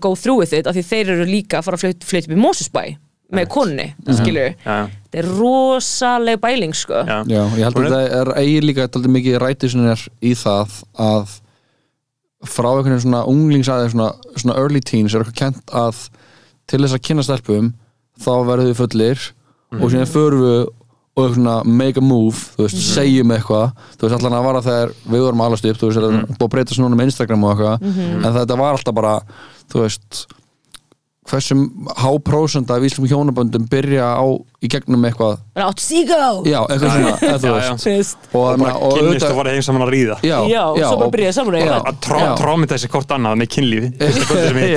Já, og svo þurfa að læra stund að kynlíf eftir á. Já, bara tvö pain bodies að mörgja að mörgja þannig að ég held að þú veist og auðvitað verður alls konar fallið til og alls konar aðstæðum en þú veist, Mhm. ég held að þegar þetta er kúltúrin að þá verður þessi bæling til þú veist, þá verður þetta bara þá er verður skömmi kringum þetta og, og þögn og svona já uh, eina ástæðan sko, þú veist, ég hætti að drekka fyrir uh, svona þremur, fjórum árum. Uh, þegar ég djammaði eina ástæðan var þetta, Mhm. skilur mm sem, sem úlingur, skilur, sem svona átján upp í svona uh, 22 þá var það bara til þess að geta gert þetta, fara, fara heim með stelpum, Mhm. skilur, það bara sne- það snerist allt um það. Og áfengi var það eina sem einhvern veginn svona lefði bældum gaur að gera það. Mm, þetta, skilur, er svo bara go there. ekki, þetta er svo Já. ekki það sem ég sakna, saknaði við Ísland. Nei. út í því Berlín er svo allt öðru sig sko. Þú veist, mér er svo bergan þú veist, ef einhver var fullur þá voru það Íslandingarnir sem komu mm Einmitt. þú veist, það er ekki Já. þessi menning og meira svo þú veist, það er ekkert allir endur á dópi heldur. Þetta er, þú veist, það er líka miscon misconception ef þú þarft að vera þú veist, ef þú ert ekki fullur þá ertu ógislega dópaður en það er bara ógislega mikið ekki vera hellaður, menningarna Nei, þú getur, ef þú ert inn í 36 tíma getur heldur ekkert verið bara eitthvað rúllandi á þú emma að vera að drekka vatn og fá þau smoothie og keira á tónlistinni skilu Já. það er smoothie bara Er smoothie bara, Já, ávextir og smoothie- grænmeti? Mhm. bara inni Já. þarft að geta, og ísbar skilu Ok. og þú veist þú þarft að vera einhvern veginn að geta upplifa þetta eins og bara marathon Já. en líka með þetta að approacha stelpur eða hitt kynna, samakynna hvað sem er Mhm. fyrir kynlíf mjög svona öðri sig heldur en hérna sko. Mhm. en ég skilði að vilja hætta að drekka í þessum aðstæðum líka mm því þú veist þessar aðstæður sakka Mhm. Menna, fyrir mig var þetta líka þannig, þú veist, ég þetta að fara ógislega helinu í bæ til að fá, þú veist, til að meika að tala við gaurina því að hann var svo fullur, þú veist, ég gæti þurft að vera á sama level að því að við fór etru, þá bara óþægilega og því þá leið mér eins og ég væri bara í kringum ykkur skrimsli eða smá, Já. þannig að þetta er ekki, good, þetta er ekki góður, gott Nei, svo sannlega ekki, sko, ég held að enginn sé að fara vel út úr þessu, sko. Nei bara enginn, sko. Þetta, þetta býr líka bara til svona generational trauma. Þetta býr til bara svona þetta er, það er verið að byggja mjög mörg hús á sandi, eða þú veist. Þetta er, svona, þetta, er, svo- þetta er alltaf shaky foundation af því að það er einhvern veginn já, við bara kunnum þetta ekki. Ég held reyndar Og ég kenna þeim það, nei. ég, ég, ég, held, ég held að sem Sigardögg og og, og omna þú að tala um bara hvernig þú talar um þetta er frábær, hún er líka gift eldri kona, skilju. Þú veist, hún er, hún er ekki sama early 20s Akkurat. level, hún er að kenna börnum Mhm. og kenna úlingum og kenna early 20s, 20s people, skilju. Mhm, en við þurfum kannski líka eitthvað sem er á þessum aldri sem er líka að ná til sem jafningja. Já, já, já. ekki bara, ég skal kenna þér um túr og, þú veist, kirkingar og eitthvað, líka að kenna þér sem jafningi sem er actually að taka þátt í þessu Mhm. Já, já. þú veist, Einmitt. Sex in the City. eitthvað sem er out there fucking bara. Sex in the City skilur sem er ástæðan fyrir ég byrja aftur á Tinder núna og því ég er að reyna putting myself out there til að geta gefið podcastinu ykkur að þyngd. Þannig ég sé ekki alltaf að tala aftur í tíman skilur já, já. Einmitt. Þannig að setja að, að lifa þessu shiti. Ég er að reyna Já. skilur Einmitt, búið til content. Það er bara svo erfitt að hitta ykkur því ég býð hjá mömmu núna sko. Mhm. ég er enda bara, ég kom heim og þú veist mamma er með risa hús ég er ekki að fara að lega ein fyrir 200 skall mánu Nei, nei. ég er að safna um fríbú og ég er búin að vera þú veist að reyna að hitta fólk og það er allir bara eitthvað, já ég býð líka hjá mömmunni ég er eitthvað, oh my god lúsirar maður. Þú veist, í Berlín er þetta bara að leigja skilju, þannig að geta alltaf bara búið heim eða fara á eða eitthvað, ég er bara ok, og fara á barinn. Nei, ég bý í Grindavík reyndar, ég eitthvað ég, ég vildi koma í Grindavík nei. Ég er ekki bara að keira yfir fokkin Keflavíkuveg nema ég sé að fara til Keflavíkuflöð upp á útúrslandi ég er ekki að fara til Grindavíkur því og bara inn í landið. Veist, þetta er allt svona körfuboltagörar Já. Já, sem eru að reyna um mig, sem eru að senda mér sem eru ógislega heiti gaurar og öruglega fárlega, þú veist næs gaurar, veist, heitir og góður í rúminu. Já. en þeir búið í Grindavík. Eða Akranesi. Það er, það er mjög góð veitingastæður Grindavík sem heitir í höllu ég drep þig sko.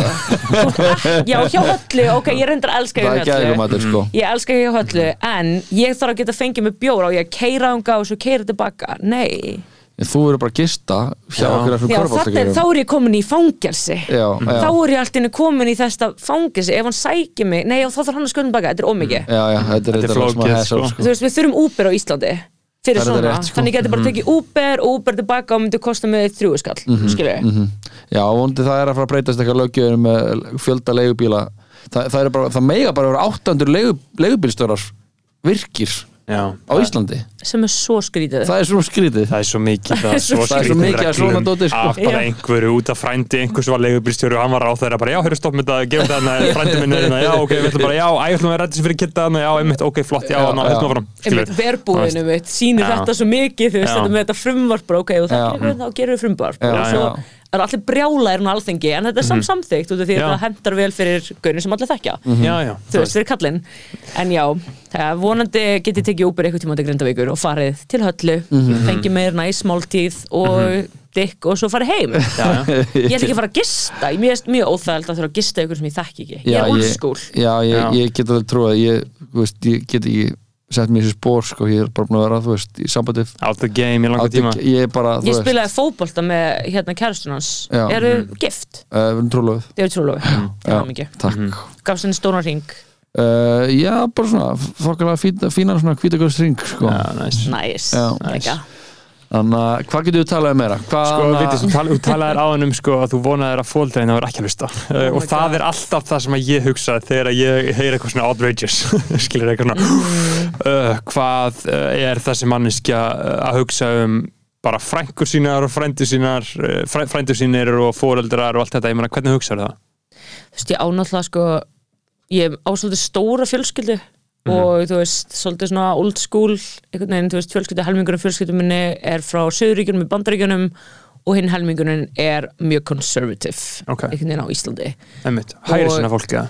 Já, sjálfstæðisfólk og þú veist, alveg svona mín nánasta fjölskylda núna er alveg svona frekar liberal en ég er klálega mest svona crazy, vinstri, whatever þú veist, þó Já, hver er gest? Já, surprise, surprise.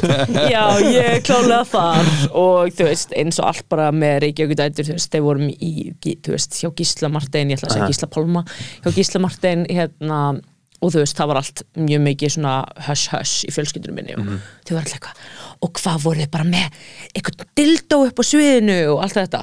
Og svo er ég bara svona, þú veist, með mitt podcast ég er bara búin að reyna að halda þið frá Facebook. Út af því að frængu mínar eru orðnar svolítið gamlar og Já. þær eru kannski bara frá opnunda haldandi að sé eitthvað svona bara svona ágætt eins og ég sé að var reyna að hérna, venda þú veist fjölskyldunum mína frá við þessum upplýsingum ég er bara komin yfir það sko Já, já ég nenni ekki að vera vend, ég nenni ekki, að vera, ég nenni ekki sem meðvirkni nei Nei, já, Þessari þögnin, bælingu. sko Já, bælingin og þögnin já, ég bara, ég geta ekki sko. Nei. ég spring Lát mig sko. þekkja Já, veist. ég mun bara springa ef ég held áfram að vera þú veist, og ég, mei- þú veist, mér líður þess að ég sé ekki það óeðleg Mhm. Þú veist, ég er ég. Ég lifi með sjálfum mér okkur með þess að degi, ég þarf að gera það. Þannig að af hverju á ég ekki þá bara leifa þeir sem vilja hlusta, hlusta og þá kannski tengi fólk og er eitthvað, hey, oh my god, ég er ekki ein. Nei, ég er líka drusla, skilur við eða ég er líka, þú veist á fjóra kærasta. Eða, ég veit ekki, hvað er ég að tala um þessu pókasti skilur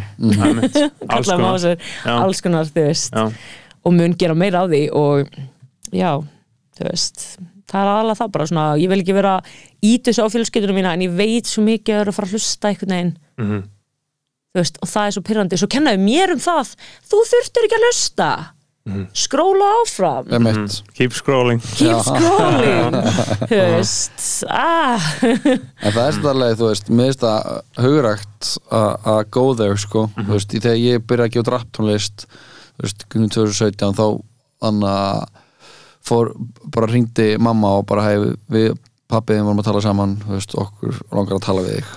Ó nei. Mamma hérna phone sagði raps no good. Já, já, basically, eða þú veist og, anna, og þá bara eitthvað, ég er að syngjum að, þú veist reykja weed og poppa pillur og eitthvað taka dóp og annað Einmitt. og þau sitt bara, þú veist, þau eru skilin þau skildi því á fimm ára, þannig að þetta var svona Same. þetta þetta var ekkert beint eitthvað svona þetta er ekkert eitthvað everyday, þannig ég sitt bara eitthvað og það er verið að bara, jó, bara hvað what's up, settu þau saman niður til að tala við? Já, meira sér eftir skilnað. Já. Varst ekki bara, oh mom and dad are back together yay, I did something right. Maybe it was a cry for attention. Bara svona delayed Joey Cypher var eitt stórt cry for help. Já, já, átján ára dílei á því hérna. Nei, og, en það sem var bara svona, þá voru þau að spyrja bara svona, hvað, þú veist, hvað ertu eiginlega þannig þú veist, að tala um þetta og þú veist, hvernig þannig, og eru bara svona checking in, þú veist og ég er bara, já, já, ég er að vera að gera smá svona, smá svona og, og þannig sem var bara, þú veist fínt, þú veist, það var bara mjög gott það er veginn að geta bara þannig að come clean og, þannig að og jújú, jú, ég vel svo sem alveg hvað ég tala um við þau, þú veist, og ég þannig að þú veist þau fá kannski all, að bæði að heyra alltaf, alltaf versta, þú veist allt me- mesta rugglið en þannig að þú veist, það er samt alveg, ég hef alveg valið moment til að segja frá okkur svona sétti þegar maður er að proka dóp eða þú veist, whatever it is bara einhvern veginn og láta bara skítin flakka og segja bara já, ég var að gera þetta og þetta var svona og það var fucked up og, mm. og það fór svona og svona, svona, svona. Og það er ykkur að kenna. Já, já, og þá er þetta þið skildu því á fimm ára og þannig að bara hendur sér Þannig að- beint yfir á þau bara gasta þau í sko. Nei, það, er bara, það er bara svona geggja frelsandi við að segja bara leggja spila bara á borð og segja bara já, ég var að gera þetta og, mm. og bara do with it as you please. Þú veist, ég er bara hann að ég gerði það ekki, ég laug. Ég Já. sagði bara, nei, þetta er bara karakter. Allt sem ég gerði mér ekki að greiðum þegar ég var að tala um að týna sveppi og þú veist, alls konar sitt ég var bara, nei, þetta er ekki satt. Já, gerur það? já, Já, þau veit ekkert ennþá sko. Nei, ég laug bara, já. Þannig vonandi er ekki að hlusta á þetta nú þú veist, ég laug bara. Ég sagði bara, nei, nei, nei, þetta er allt bara karakter. Við minna eins og rappar að gera við röppum um svona dót, Einmitt. þannig að ég bara gerði það. Já, og þú veist, ég hef nú alveg opnað með pappa minn, pappi, pappi veit allt sko. Já, ég já. ringdi hann einhvern tímann þegar ég var on it já, já, í Berlín. Já, bara, oh, sagði um allt. Já. Svo vaknaði þetta og bara, god damn. I say god damn. I say, god damn, hvað varst að gera? En var það ekki losandi og það var mjög losandi. Já. og ég er mjög, þú veist, þakklátt. Og því að pappi minn er mjög svona, þú veist, chill. Þú veist, pappi minn er hérna á sína, þú veist, á við sína tjöfla að draga sjálfur, þannig að hann einhvern veginn svona þú veist, varð bara my go to bara svona buddy, hann var aldrei að hafa áhyggjur á mér. Mamma mín er aðeins meira svona vill hafa áhyggjur á mér, ekki, þú veist, meira svona fyrir sig að þú er áhyggjur á sjálfum sér að því að það verður óslega slæmt fyrir hana ef eitthvað myndi koma fyrir mig já, um, en já, þannig að ég einhvern veginn svona, hef einhvern veginn ekki náðu einhvern veginn svona almennilega opnum við hana, ég er líka bí hjá henni núna nenni ég, þú veist. En spara aðeins. Spara aðeins. Tegur kannski síndal að hana næst.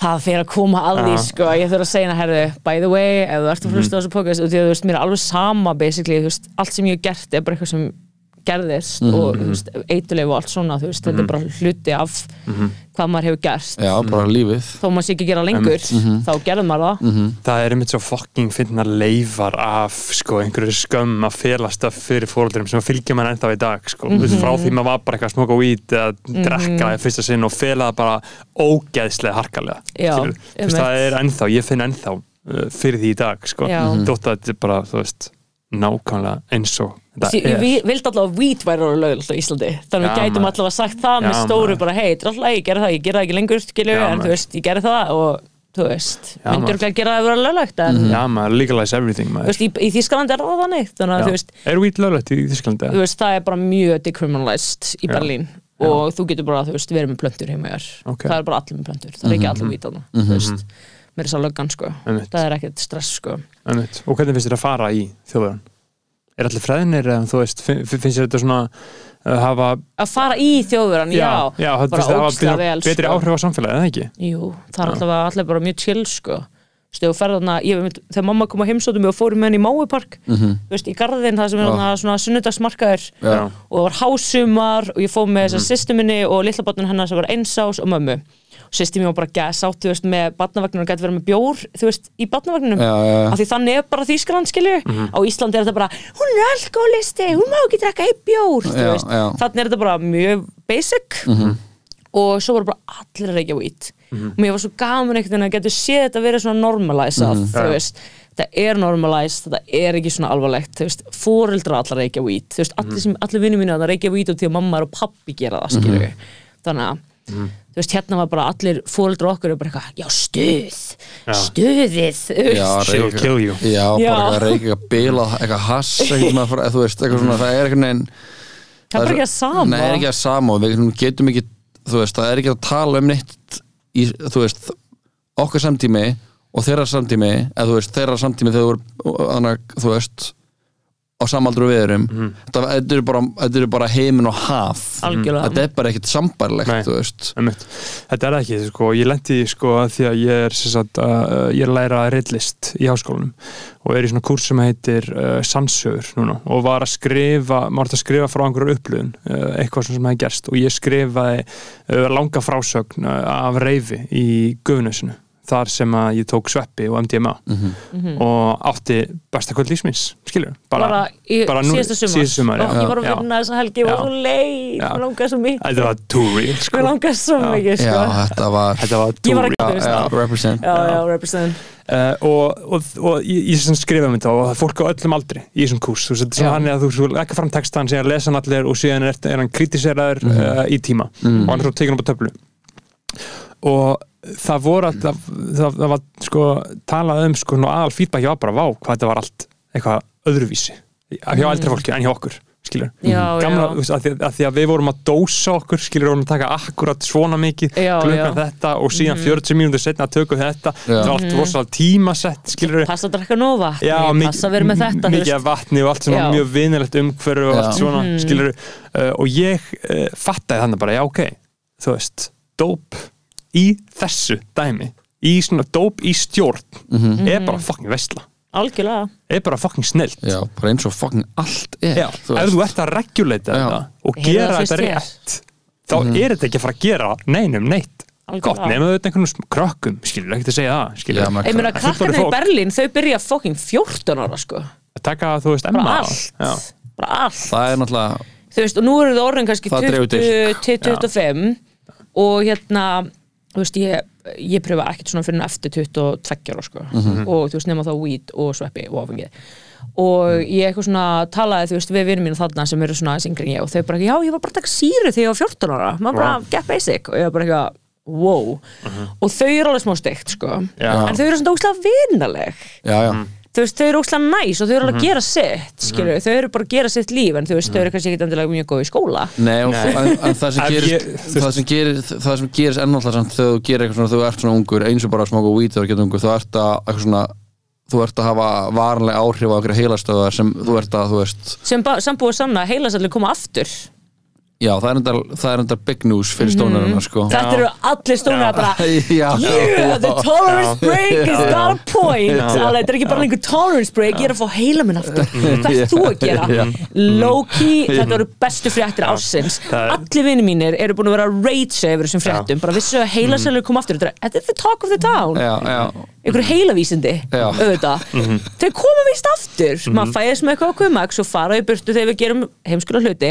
Svo koma þetta hvenær aftur. koma þær aftur? Bara eftir svona nokkra mánu Já, ok. já, ok, en ekki þú heldur áfram að en svo kannski farið þú veist, eitt smók og þá ertu bara komin aftur í, þú veist, já, þá ertu dumber than ever before Já, bara. dumb and dumber, sko. En já, ok, þannig að þú getur verið uh, 30 ára smókar uh, og verið eitthvað í tvö ár og allt í góðu Já. Basically það sem að heila vísindum fyrir, já, já, kannski heila en svona fyrir utan kannski svona sálfræðilega skada sem þú veldur. Já, og líka þú Já, veist, ég held líka aðstæður sem kemur í oft í gegnum þar sem þú ert að gera sem er ólögt eða whatever, getur líka haft áhrif. Já, já, já. en bara upp á heilavísindin þá eru heilavísindin að Já, segja Mhm. þetta og þetta er ekkit droslega þú veist þetta er, þetta er, þetta er ekkit nýtt kannski Mhm. fyrir vísindamönnum en þetta er mjög nýtt fyrir stónurana sem eru búin Já. Mhm. að vera eitthvað þið dreipið heilasælur ef þið reykið eða drekki og líka þú drekkur áfengi menn þú drekkur áfengi þá Mhm. dreipur heilasæluna eina sko og það er bara facts. Mhm. þannig að við erum í ánum með þetta. Já, það er eiginlega ekkert fallara en svona stónur að fá góðar svona fréttir til, að- til, að- til að réttlæta Án djóks. svona, ah, já, ok, já, já Nei, ég Og- og- ekki lengur en mér finnst þetta geggja fréttir sko. og, og stónir sko, þegar þeir heyra svona pro-weed talking points einhvers staðar í mainstream fjölumilum skilur þá er það bara já, Algjörlega, þess vegna er æðislega að búa í þú veist bandaríkjum núna. Það sem þetta er alltaf löglegt og fullkomlega þú veist, það er allir bara bara, yeah, I was right the entire time Já. þú veist, það er allir lífið vel með það sko. Þú veist, Snoop Dogg hefði getið verið með Jónu á Super Bowl og enginn hefði getið Já, Snoop Dogg var örugglega með Jónu Já, hann var, hann, var að reykja, hann var að reykja bara á hliðalínu rétt fyrir Já. sjóið sko. Já. það er bara vídeo á honum að hann var auðvitað að reyna up. að gefa veist, ef ég, ok, ef ég þekki stónura þá verðum við svolítið svona we invade other people's privacy sometimes Mhm. við erum bara svona, veitu, reykið þú ekki maður ha?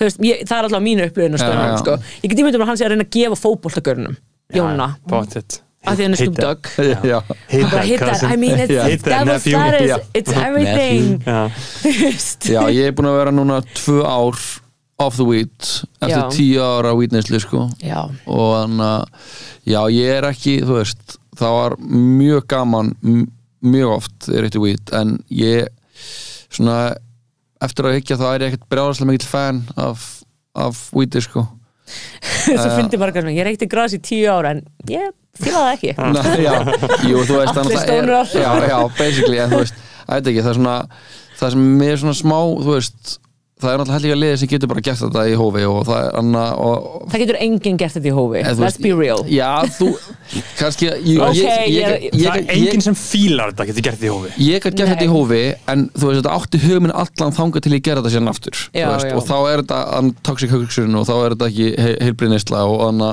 Nei. og, og anna sérstaklega þetta er eitthvað svona á modnana og þannig þú veist, ef maður vaknar og bara, æ, fæ mig smá Já, ég var, allir. var blessunlega ekki mikið í því sko, Vögginbæk sko, maður anna, að, þú veist, ég er svona gat alveg sett með svona eitthvað reglur og eitthvað Mhm.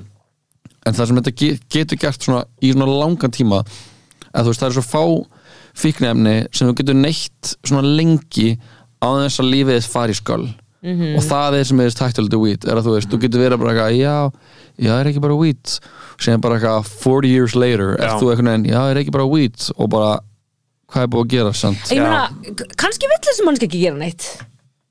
Lífið, Ég- það er ég- alltaf mikið pressa á að gera of mikið. Já, já, ég, þú veist, maður vil ekki setja henni óþóra pressu neitt, en ég trúi samt að, að, að fólk sko sé með drauma og það sé og ég held að þú sést bara eitt um það sko. Það er engin með drauma. er þú einn er um bara sko. listamæður flestir hérna úti fara bara í gegnum lífið sitt með einhverja vinnu sem þau hata til að fá pening til að taka frí einu svona ári til Mhm. þess að vera heima með fjölskyldunni og eiga húsfri, heimili en þetta er náttúrulega bara svona módel sem að byggja og, við, og það, út af því hvernig við erum modduð af öllu, þá er þetta bara já, þetta er það sem ég á að gera. Mm -hmm. Það þarf ekki að vera hannig. það þarf ekki að vera hann því að einhver staðar á einhverjum tímúti varst eitthvað hvað ætlar að vera ég ætla að vera þetta, ég ætla að vera ég ætla að vera Já. slökkulismæður, ég ætla að vera Ég meina- læknir, ég ætla að vera, þú veist, ég ætla að vera leikari ég ætla að vera, þú veist, það, þetta þegar þú spyrð börn, þá er alltaf á einhverjum tímúti kemur Mhm. þetta og á einhverjum tímúti er eitthvað svona að ég geti líki verið þetta Já, og ég er sammála að weed gerir fólk að bara stónurum þú veist, það er bara hvað er það að gera? Ég er gaur, ég er reiki þess vegna er æðiselt í bandaríkjunum, þau geta unna weed form já, já, þau geta unni einmitt. með kannabisi Já, já. sem er eins og hérna Dimbalushi, heitir hann ekki Dimbalushi? Jú. hann er með núna bara eitthvað að reka fucking huge weed farm Já. og hann er bara eitthvað living sko. já, hann er bara living his best life hann er bara þetta eina sem ég vildi gera Já. eftir ég vera leikari og vera fucking comedian var að vinna í þessum bransa Já. og nú er hann að gera það Já. Já, maður. skilur þannig að á einhver leiti já, á Íslandi sökkar þetta ef þú er bara eitthvað weed gauður á eilifu þá ertu bara, no Ég it's way too líka bara, expensive. það er líka bara allt svo er að þú veist svo riski, þú veist já, og með líka bara einhvern bílpróf, skilur ekki, með bílprófið þú veist, ógæslega dýrt. Hvernig er að vera ekki bíl í þessu veri, sorry, þú veist. Já, og líka bara, eitthvað, ekki, kannski hefur þetta bara að gera með alla eitthvað ofgnótt af neyslu á, Mm. í þessu, þú veist, við erum bara hérna, það er svo kalt og það er erfitt að vera hérna, þú veist, maður er alveg bara maður, á þessum tím núna bara með þungur snjór og maður er bara, the fuck are we doing here, bara, hvað erum við að gera hérna, og sko. og síðan kemur vorið og þá er maður einhvern veginn bara svona, verður maður eins og nýr, Mhm. veist þannig að öll einhvern veginn svona neista hvort, hvort það sé, veist, alkohólismi þú veist, eða þú veist, alkohól eða cannabis, ofan í þetta state er risky business sko. Já, maður. þannig að þú veist, já ég var undir lokinu var, var ég farin að tala um sko, ég, ég elska að kaupa hvít, ég elska að grænda, ég elska að malla, ég elska að gera filter, rúlla kveikja í anda einn, hata frá friðin þetta var orðið þannig. Svona ceremonian já, ég elska sérimóni CBD, já, það er bara ekki, þú veist, ég hef reykt eitthvað smá CBD og það er bara ekki cutting it sko. Þú veist, mér, Nei, ég er svona, ok. kannski líka svona smá er ég bara einhvern veginn svona over mér varst it. það mjög næ sko, út í Já. Berlín. Þá er svo mikið að CBD, þú veist, weedi sem er, þú veist, Einmitt. bara rúlar mér það og reykir það og mér varst það mjög næ sko. Það virkar miklu betur en olja Já, ég er samt drullaði við fólk sem notaði CBD Já, bara, þegar ég var mest að stóna og bara, ertu á fokkin CBD-lestinni? Já. Fokka er maður Já. Og svo náttúrulega var ég að gera það sjálf on the side, sko. Einmitt. um, Ég ætla að vera stónur aftur eftir svona 20 ár. Já, já, það megasens þegar maður er fyrir hann svona svona aðeins eldri sko. já, til að byrja aftur að reykja sko. já, til að við halda krabba með halda nefnir krabba dæmi og svona þú veist, það er náttúrulega gott fyrir- gegn krabba minni. Emitt og við erum náttúrulega öll, þú veist, við erum hvað þrjúinninni, eitt af okkur mun fá krabba minn á Já, okkur maður. tímúti Fucking það er þannig. pe- Pesticides í vatninu sko. Já, það já, er þannig sko. og náttúrulega stressið. Já, maður. Stressið og Já. Stress is a óhamingjan. real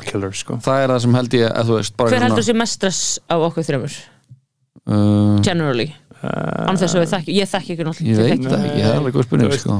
Ég, ég þekki Jóhann mjög vel og hann þekki mig mjög vel ég held að sé þú sko. Ég er samt, ef við erum hvorur mjög við stressaður erum, sko. við erum alveg hann þú ert endur ritlist. Já. það hlýtur að vera smá stressandi.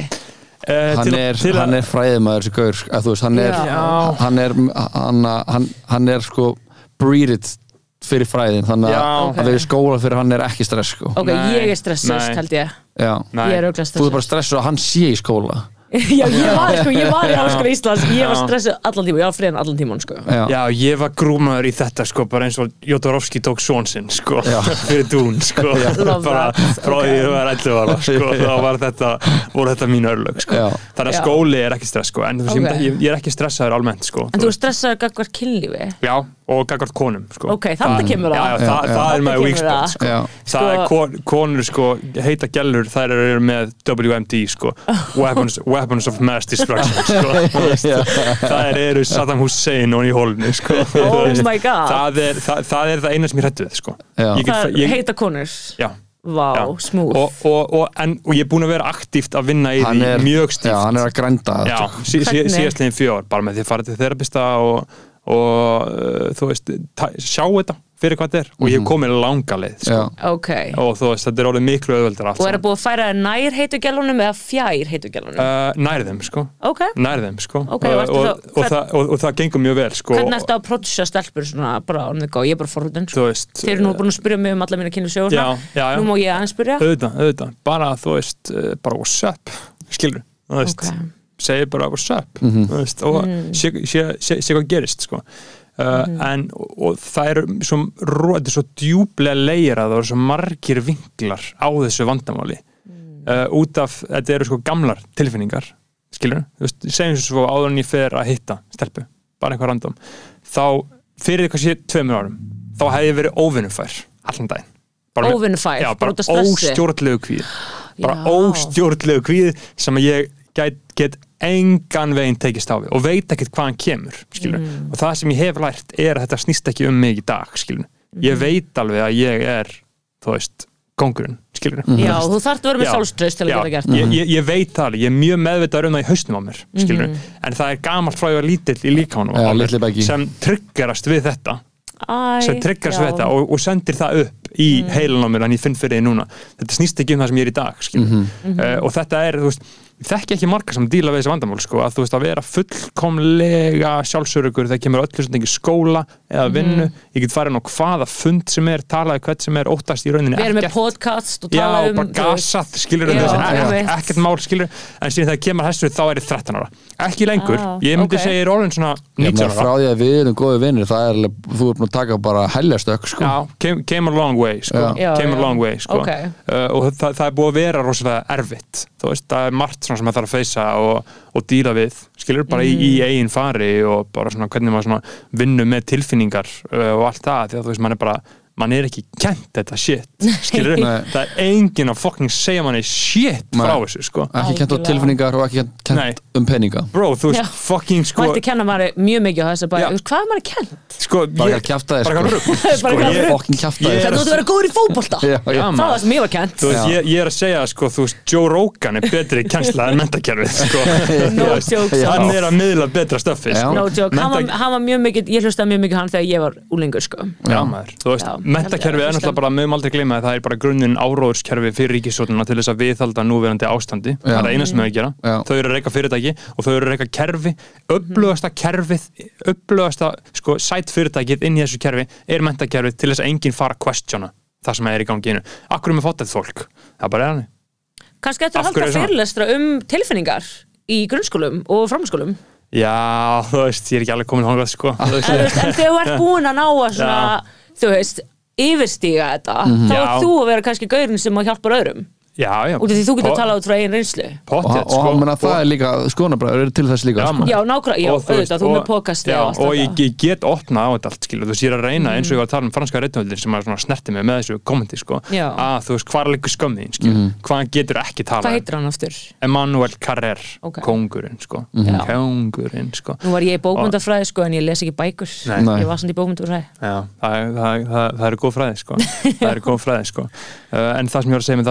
Að veist, að sjá það hjá sjálfum sér sko, hvar skömmum manns liggur sko. Uh, og í rauninu tækla það og takast á við það sko. mm að því að þú veist, ég ætla ekki að lifa uh, þessu fucking ógeðslega lífi sem þið voru að lýsa í náðan Já. Hvað að, fólk sem bara fer í einhverja vinnu sem það hatar og vinnur í einhverju vinnur í sem hjónabandi Já, og fer ekki til útlanda fer ekki Já, að gera minn Já. Og bara fær krabba minna stressi skilur Já.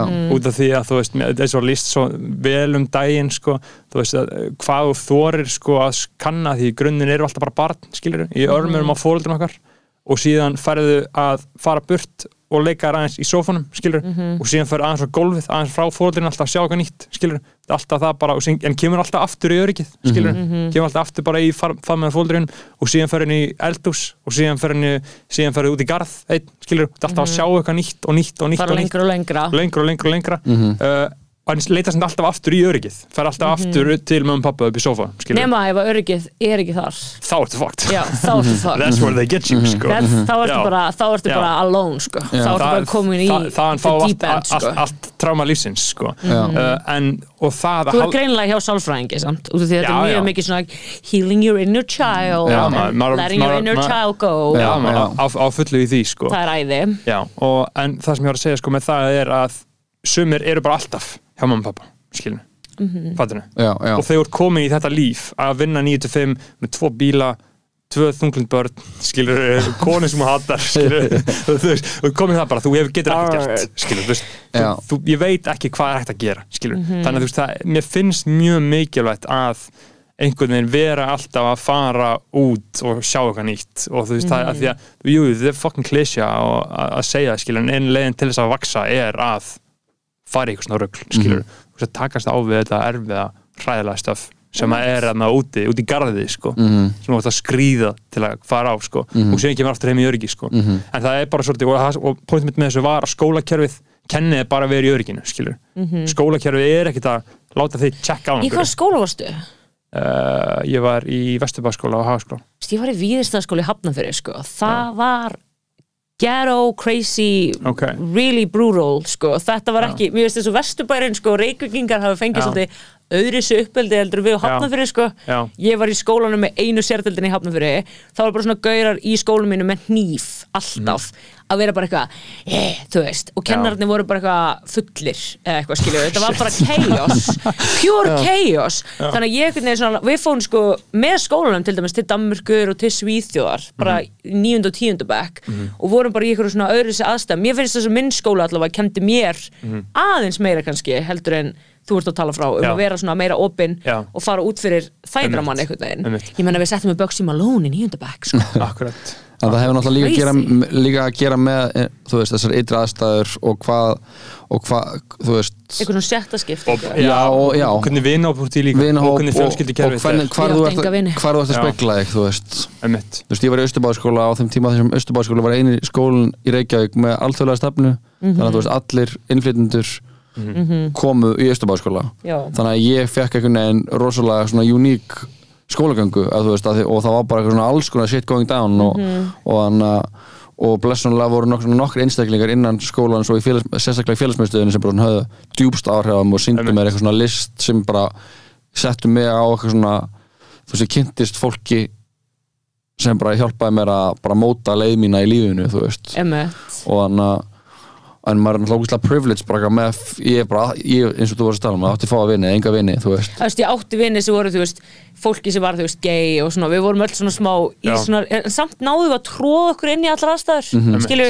að því við reddum, við reddum til dæmis bjór fyrir fólk til Mhm. að komast í partíin, þú veist, við náðum að smikla okkur inn í aðstæður, en þú veist, fólki sem var samt í mínum skóla var ekkert verðt til þess að hanga með heldur. Nei, nei, út af því nei, þetta voru eiginlega bara glæbumenn já, hálfgert, sko. já, og hérna, já, veist, ég vildi að ég hef kannski fengið meira listrænt upplifun upplifun, listrænt upplifun sem þú talar um, mm -hmm. vera í kringu fólk sem að actually svona dreifði áfram það var ekki mín nei. en þú veist það fer kannski eftir og svo mikið með hvað grunnskólu því, hvar þú elstu þú veist, hvaða stjættaskiptingu Einmitt. Og bara hvað vinninni, hverju vinninni er að pæla sko. já, já, veist, hvernig stemming myndast í vinnhópum skiptir rosalega miklu máli sko.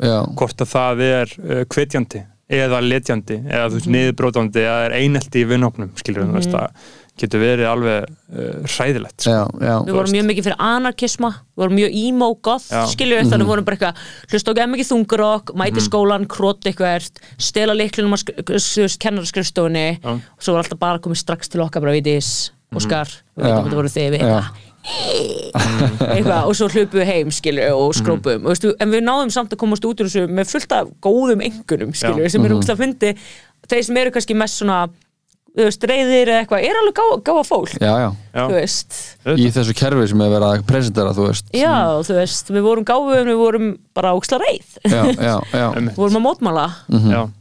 Einmitt. og það er tjáð mismundi hátt sko. algjörlega summi taka út af því sjálfur sér sko. Já. eins og, eins og sjálfræðingarnas Tony Soprano sagði við hann sko, depression is rage turned inward Já, sem betur fyrir var ég að öskur svo út sko Já. út af því að Ekki ég, ég. Úff, Já, ekki ég, þú sko. gerði það ekki Nei, nei, Ég var eiginlega bara þunglið þegar COVID byrjaði sko to be honest, þú veist, ég var alltaf að díla við kvíða og eitthvað svona smá, Mhm. en ég alltaf tók þessu bara út sko mm -hmm. Grátandi fyrir þetta priggi kannski einu veist, Einmitt. og líka bergkæn og allt þetta, veist, þetta var klálega eitthvað svona útrás fyrir mig sko, Já. já, mjög mikilvægt að fá útrás þú veist, ekki halda sinni sko Algjörlega, sko. Uh, sko, eitt að lokum minna Já. áður en að uh, kvöldinu fyrir að ljúka hjá okkur sem er langað til þess að ræða við þið veit svo það er feminismi. Búrum. Ég er sko að pissa á mig núna Já, uh, bara svona örstutt uh, spurningin í lokin, sko. Mhm. uh, ég meina, feminismi, þú talaður um, sko, að, þú, að, að íslenska feminismi er ekkert að hugsa í svona sex work og það er svona turf og swerf Mhm. stemming þar. Mér langar bara svolítið að spurja þig, mér finnst það áhugavert svona ferli fólks í einhverju svona hugmyndafræði. Ég meina, hvernig hefur þú sjálf verið að breytast sem feministi? Það er talað um, varst í durslöngum í gamla, gamla dag, varst í Reykjavík dætrum, ertu núna í dag að horfa tilbaka og sjá svona, ok, þetta var eitthvað rugl, eða þú veist, hefur alltaf verið svolítið konsistent í þessu, eða hvernig hefur verið svona þessar pælingar og þessi hugmyndafræði eh, þróast hjá þér? Já, uh, ég hef alltaf verið, þú veist, mér finnst ég vera mjög, hafa verið mjög consistent, to be honest, þú veist, mér finnst druslugöngun og allt þetta vera allt mjög frábæri hluti sem ég gerði fyrir feminisma og fyrir pólitík á þeim tíma, um, en ég fattaði kannski setna með því ég flutti til Berlínar að þetta er ekki allt svona linear, þetta er ekki allt svona línulegt. Já. Um, Að það er ekki eitt svona rétt eða ránt, Nei, það er ekki hægt að segja, auðvitað að það er hægt að segja hvað er rámt en kannski ekki alveg hvað er rétt Mhm, að mörgu leiti um, mér finnst ég ætla ekki að, veist, ég sem ég er alveg, ég er feministi en ég er ekki lengur eitthvað, ég er feministi þú veist, ég er ekki lengur að segja þetta út af því ég vil freka gera svona veist, eitthvað svona personleiri uh, baróttu Aha. út af því að þú veist ég fatt að feministar er ekki að fara að bjarga mér eða feministar er ekki að fara að bjarga þessum hópi. Þú veist, það er ekki að fara að bjarga neinum að vera feministi. Þú veist, ofinber feministi. Nei. það sem er að bjarga fólki er actual vinna og þú veist, actual þú veist, sem druslingangun gerði Já, til já, dæmis, fyrir já. að mínum mati. Þannig að allt sem ég geri sem að er proactive finnst mér frábært um, ég nenni ekki lengur að vera heima á liklaborðinu veist, að skrifa niður hvað strákundur á prikinu eru ekki að spila nómið tónlist með konum í skilurðu. Mm, One on one boys. One on one Já, boys, one on þú veist, one. Aumingjar. án jokes, ég trú ekki að ég siti núna inn í one on one boys, að one útvarpinu, Já, já. ég veit að, þú veist, að því á sín tíma fannst mér þetta að vera bara svo mikið bardagi, skilur, og það er svo ekki rétta leiðin, út af því þeir voru líka, þið hafa hljótið að vera bara eitthvað, býtu, hvað gerum við, eða skilur, Já, þú veist, smá.